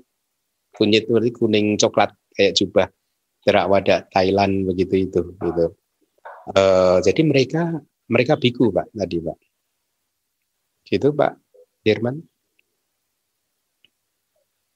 Cukup jelas. Tapi nggak ada komunitas sanghanya kan? Belum ada komunitas sangha. Nggak ada apa, Pak? Baik, baik, baik. Baik, makasih, makasih. Oh, oke. Okay. Komunitas sangha kan tidak bergabung dalam komunitas sangha. Enggak, ya mereka hanya ya, berkumpul baik. di kalau di baik, di kelas yang pertama itu kalau Anda perhatikan para paceka Buddha berkumpul di pegunungan Himalaya tetapi tidak membentuk komunitas sangga. Tapi mereka memakai atribut biku. Gitu. Oh gitu. Baik, baik. Baik. Oke, terima baik, kasih. Baik, Masih, masih. Ya, terima ya. kasih Sing penjelasannya. Selanjutnya nah. Kepada Bapak Joni kami persilakan. Bapak Joni. Sukiyoto Bante. Ya Pak Joni. Nah, saya Joni dari Medan. Uh, saya mau nanya yang minggu lalu Bante. Uh, kan saya pertama bertanya kenapa bodhisatwa bisa memilih mau dilahirkan di mana, uh, terus ibunya siapa gitu ya. Hmm. Dan jawabannya kan uh, karena kekuatan kebajikannya gitu ya, sehingga dia bisa memilih. Nah, minggu lalu kan ada itu uh, dewa yang kok bisa dia tahu bisa gini kan semalam apa minggu lalu kan diceritakan dewa Saka memilih para dewanya siapa yang sudah mau berakhir hidupnya di uh, alam dewa terus didapatilah satu dewa itu yang namanya saya udah lupa terus dewa itu bilang saya nggak mau terlahir di kandungan sakit dia maunya lahir langsung akhirnya kan dia lahir langsung gitu pertanyaan saya adalah Uh, kan dia bukan bodhisatwa Bante. Kenapa dia bisa memilih lahir di alam manusia gitu, terus lahir langsung gitu. Seakan kan bisa milih-milih gitu sama seperti Bodhisatwa Bante. Itu oh, sih. Ya, yang Maha Paduma ya. Ah, terus uh, itu si Pacekapura kenapa semua kumpul di lembah situ ya Bante? Kok nggak mau kumpul di lembah lain atau mana gitu? Asal jadi Pacekap udah, kok langsung semua kumpul di situ? Kenapa ya? Demikian Bante. Anu Ya, yang terakhir saya jawab dulu ya. Uh, mungkin karena memang waktu itu spot apa ya istilahnya publik niwasa anusatinya nanya Buddha, pengetahuan yang menging, um, bisa melihat kehidupan masa lampau, apa yang terjadi di masa lampau, sedang tertuju pada kota Baranasi dan di zaman Buddha Kasapa. Ini dugaan saya. Ya, jadi sedang fokus di situ. Ini kan dari Buddha ini, dari Buddha Gotama. Jadi men mencoba untuk melihat kejadian di masa-masa itu jadi fokus hanya di kota Waranasi dan di zaman Buddha Kasapa. Kalau Anda cermati kayaknya semua stansa so far sampai stansa hari ini itu semua kejadiannya di Baranasi dan juga di uh, zaman Buddha Kasapa. Nah, kenapa ada di sana? Ya mungkin pada zaman itu mereka uh, itu itu tempat yang terkenal. Itu dugaan saya ya Pak ya. Tempat yang terkenal yang per, pernah saya sampaikan Pak. Kalau di Jawa itu saya meng, saya tahu ada beberapa hutan, mungkin tiga hutan, empat hutan, yang saya tahu di dalamnya banyak pertapa, Pak. Jadi ketika saya dulu masih belum beragama Buddha, ketika saya masih mencari-cari, suka bertapa, saya mengembara di tiga empat hutan ini, Pak, karena saya tahu di dalam ada teman, istilahnya begitu. Jadi saya masuk ke hutan uh, hutan alas ketonggo itu kan hutan terakhir saya itu belum akhirnya saya merasa sudah ketemu ajaran Buddha dan kemudian pergi untuk menuntut ilmu di luar negeri gitu. Nah, uh, jadi mungkin kira-kira seperti itu. Jadi para paceka Buddha tahu nih di dalam Nanda Mulaka, lembah Nanda Mulaka itu ada banyak pertapa gitu ya uh, di Gandak Madana itu ada banyak pertapa. Jadi ini satu spot waktu kalau dugaan saya. Gitu. Jadi Buddha sedang menuju ke kota Baranasi dengan kekuatan uh, kebijaksanaan untuk mengetahui kehidupan lampaunya dan akhirnya mengurai cerita-cerita ini begitu. Itu yang pertama. Yang kedua tadi tentang Mahapaduma. Kenapa Mahapaduma bisa memilih kelahirannya? Uh, saya pernah mengatakan bukan bahwa di kalangan biku juga bisa loh pak. Cuman ini kan nggak pernah diekspos. Yang terekspos saja itu kan maaf itu cerita-cerita dari tradisi Tibet. Ya kan, uh, Anda mungkin sering membaca kan uh, lama ini bisa memilih tempat kelahirannya, gitu kan? Uh, itu yang terkenal cerita-cerita dari Tibet. Kalau dari Theravada itu saya tahu banyak yang bisa juga jadi mereka bisa melihat itu rangkaian dari arus uh, kesadarannya itu nanti ke depannya itu ke mana gitu. Jadi misalkan bahkan salah satu teman saya juga bisa mengatakan setelah jadi manusia ini nanti dia kira-kira lahir di mana. Tapi kan kalau di Terawada itu biasa biasanya kita para Bante Terawada itu para Babacita Terawada nggak bercerita yang seperti itu ke publik. Dan kenapa? Karena kita menganggap itu nggak penting juga untuk disampaikan ke ke orang-orang begitu dan bahkan eh, biasanya cerita itu hanya beredar di kalangan para biku saja. Gitu. Karena kan memang peraturan dari winayanya seperti itu bahwa seorang biku tidak boleh bercerita kepada orang yang tidak ditahbiskan secara penuh. Gitu. Jadi cerita-cerita itu beredar. Nah, eh, kalau Anda cermati Mahapaduma, Mahapaduma pun itu karena kekuatan aspirasinya mungkin ya. Kekuatan aspirasinya dan mungkin juga para media sudah mau matang. Makanya di kehidupan setelah dia lahir sebagai manusia Mahapaduma yang bernama Mahapaduma teratai besar dia di kehidupan itu kan menjadi Paceka Buddha. Jadi ini bisa diartikan bahwa para media sudah sudah matang gitu, sudah mau matang gitu. Makanya wajar kalau dia mempunyai kemampuan uh, uh, kekuatan seperti itu. Kalau Dewa Saka itu tidak hanya meminta Mahapaduma untuk turun, kayaknya Bodhisaka juga diminta sama uh, Dewa untuk turun gitu. Ini udah masanya gitu untuk turun ke bumi dan lain sebagainya. Terus juga informasi lain, para dewa itu mengerti Pak, kapan meninggal dunianya. Bukan dari kekuatan apinya, tetapi dari lima tanda dari tubuh mereka. Misalkan bunganya sudah mulai layu, mulai keluar keringat, ke, kemudian ketiaknya basah, kemudian bajunya yang tadinya warna-warni pun lusuh warnanya gitu. Itu tanda-tanda bahwa dewa itu mau meninggal dunia gitu. Jadi bukan sesuatu yang istimewa kalau ada dewa mengetahui dewa lain mau meninggal dunia. Gitu Pak Joni, mudah-mudahan terjawab. Anu modana Bante. Ya, sama-sama. Oh iya, tentang Mahapaduma mungkin saya akan sampaikan. Baru beberapa hari yang lalu saya berpikir, karena cerita itu kan terkesan tidak masuk akal. Ada seorang manusia lahir di uh, uh, Paduma Gabak, rahim bunga teratai. Saya rasa ini hanyalah satu istilah saja, ya, yang belum tentu ini berarti literal. Artinya belum tentu ini berarti yang sesungguhnya. Kan banyak kan cerita-cerita hikayat di Indonesia, cerita rakyat di Indonesia yang memakai cerita-cerita seperti itu, misalkan, nah, misalkan apa? Misalkan tangkuban perahu gitu. Apa ya ceritanya seperti itu gitu, misalkan gitu ya. Mungkin itu seperti itu. Beberapa hari yang lalu saya berpikir seperti itu. Baik, terima kasih. Oke, terima kasih Sin penjelasannya. Selanjutnya kepada Saudara Teddy Tahir, kami persilakan. Baik, Wandami Bante. Hmm. Pagi Bante, saya ingin berhubungan dengan uh, topik hari ini ya. Uh, soal Pak Bajita banyak Bante singgung. Nah, saya ingin bertanya sebenarnya dalam kehidupan sebagai manusia tujuan utamanya itu apa? Selain mencapai nibbana begitu ya. Nah, jadi uh, apakah menjadi Pak Bajita dan praktik sila sama dipanya ataukah ada yang lain? Nah, sedangkan agama tetangga kita yang mayoritas itu kan banyak yang menyatakan beranak cucu lalu di bumi. Hmm. sedangkan di Buddhism itu kan kita sebagai umat Buddha itu kan banyak distorsi ya banyak mendengarkan ajaran yang lain jadi sehingga banyak distorsi sehingga bimbang menjadi esensi menjadi manusia itu sendiri. Nah itu bagaimana Bante ya, pertanyaannya apa jadi?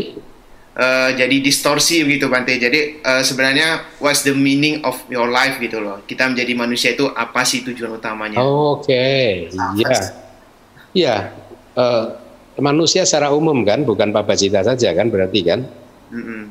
Oke, okay. baik. Tujuan kita sebagai manusia ya tentu saja kita uh, mencapai maga pala dan nibana siapa pun, tidak hanya Babacita tapi juga umat rumah tangga.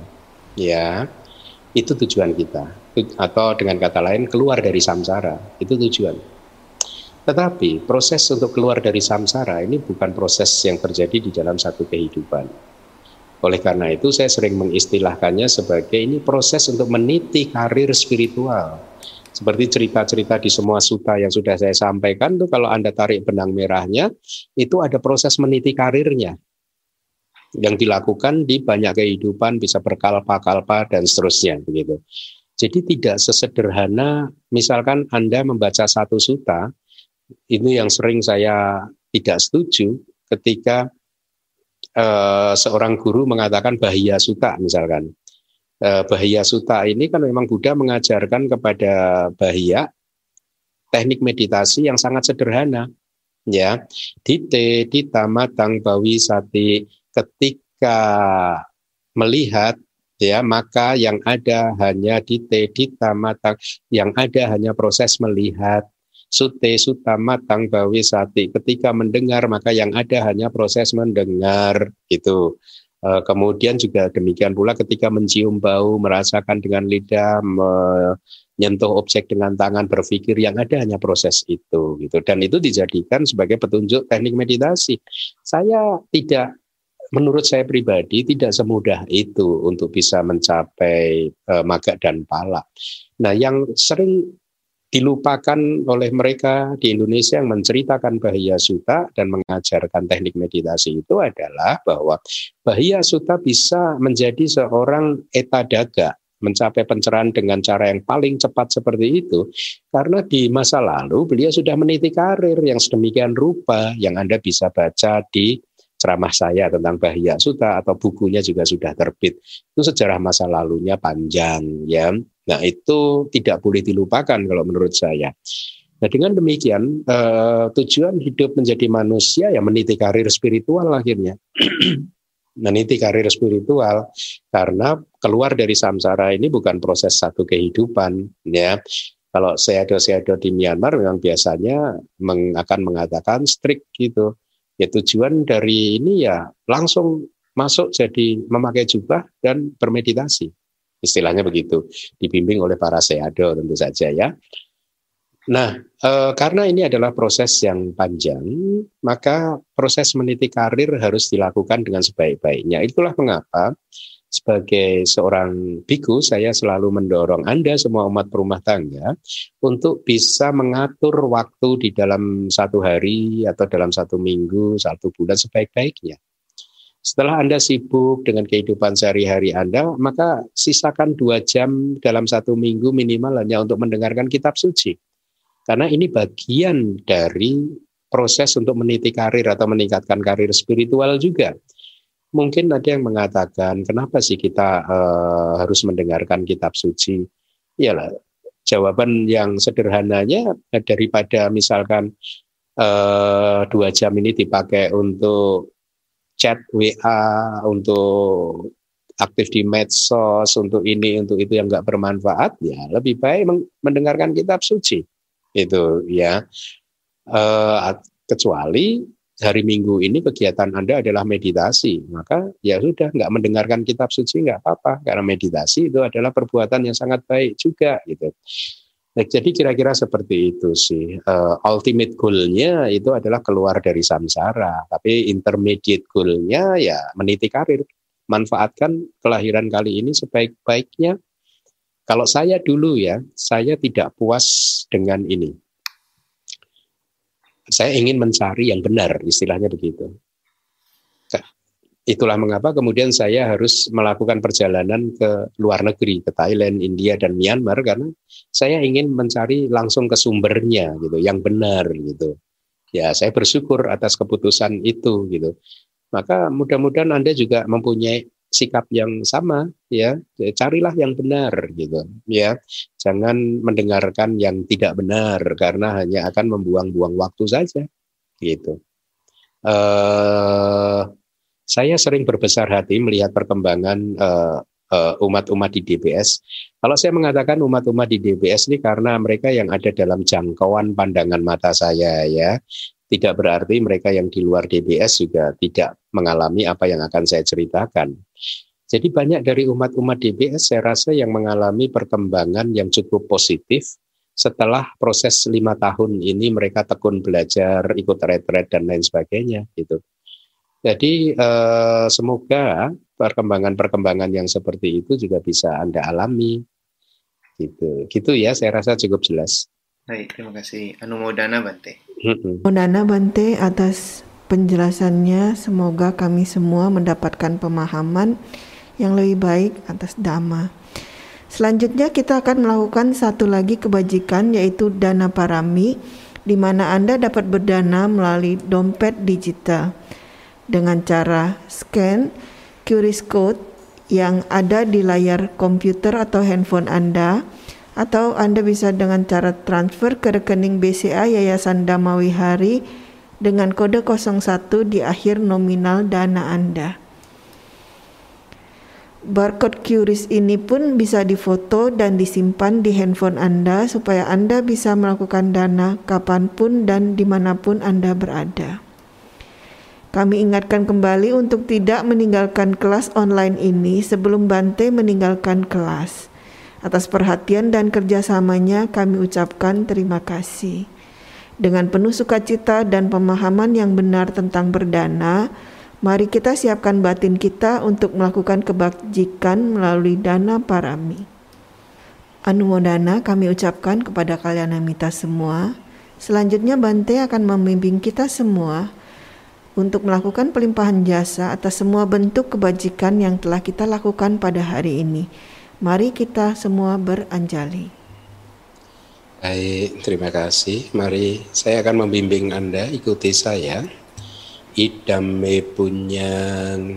Idang me punyang. Asawa kaya wahang. Asawa kaya wahang. Otu. Otu. Idam me punyang. Idang me punyang. Nibanasa. Nibanasa. Pacayo. Pacayo. Hotu. Hotu. Mama punya bagang. Mama punya bagang. Sabasatanang. Sabasatanang.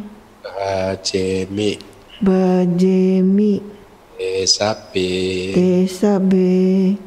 Esabe. Esabe. Esamang. Besamang. Punya bagang. Punya bagang. Bantu. Lah bantu. Semoga jasa kebajikan saya ini Semoga jasa kebajikan saya ini mengalir ke arah kehancuran noda-noda batin. mengalir ke arah kehancuran noda-noda batin. Semoga jasa kebajikan saya ini Semoga jasa kebajikan saya ini menjadi kondisi untuk merealisasi nibbana.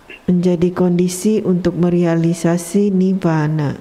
Saya membagikan bagian kebajikan ini Saya membagikan bagian kebajikan ini kepada semua makhluk. kepada semua makhluk.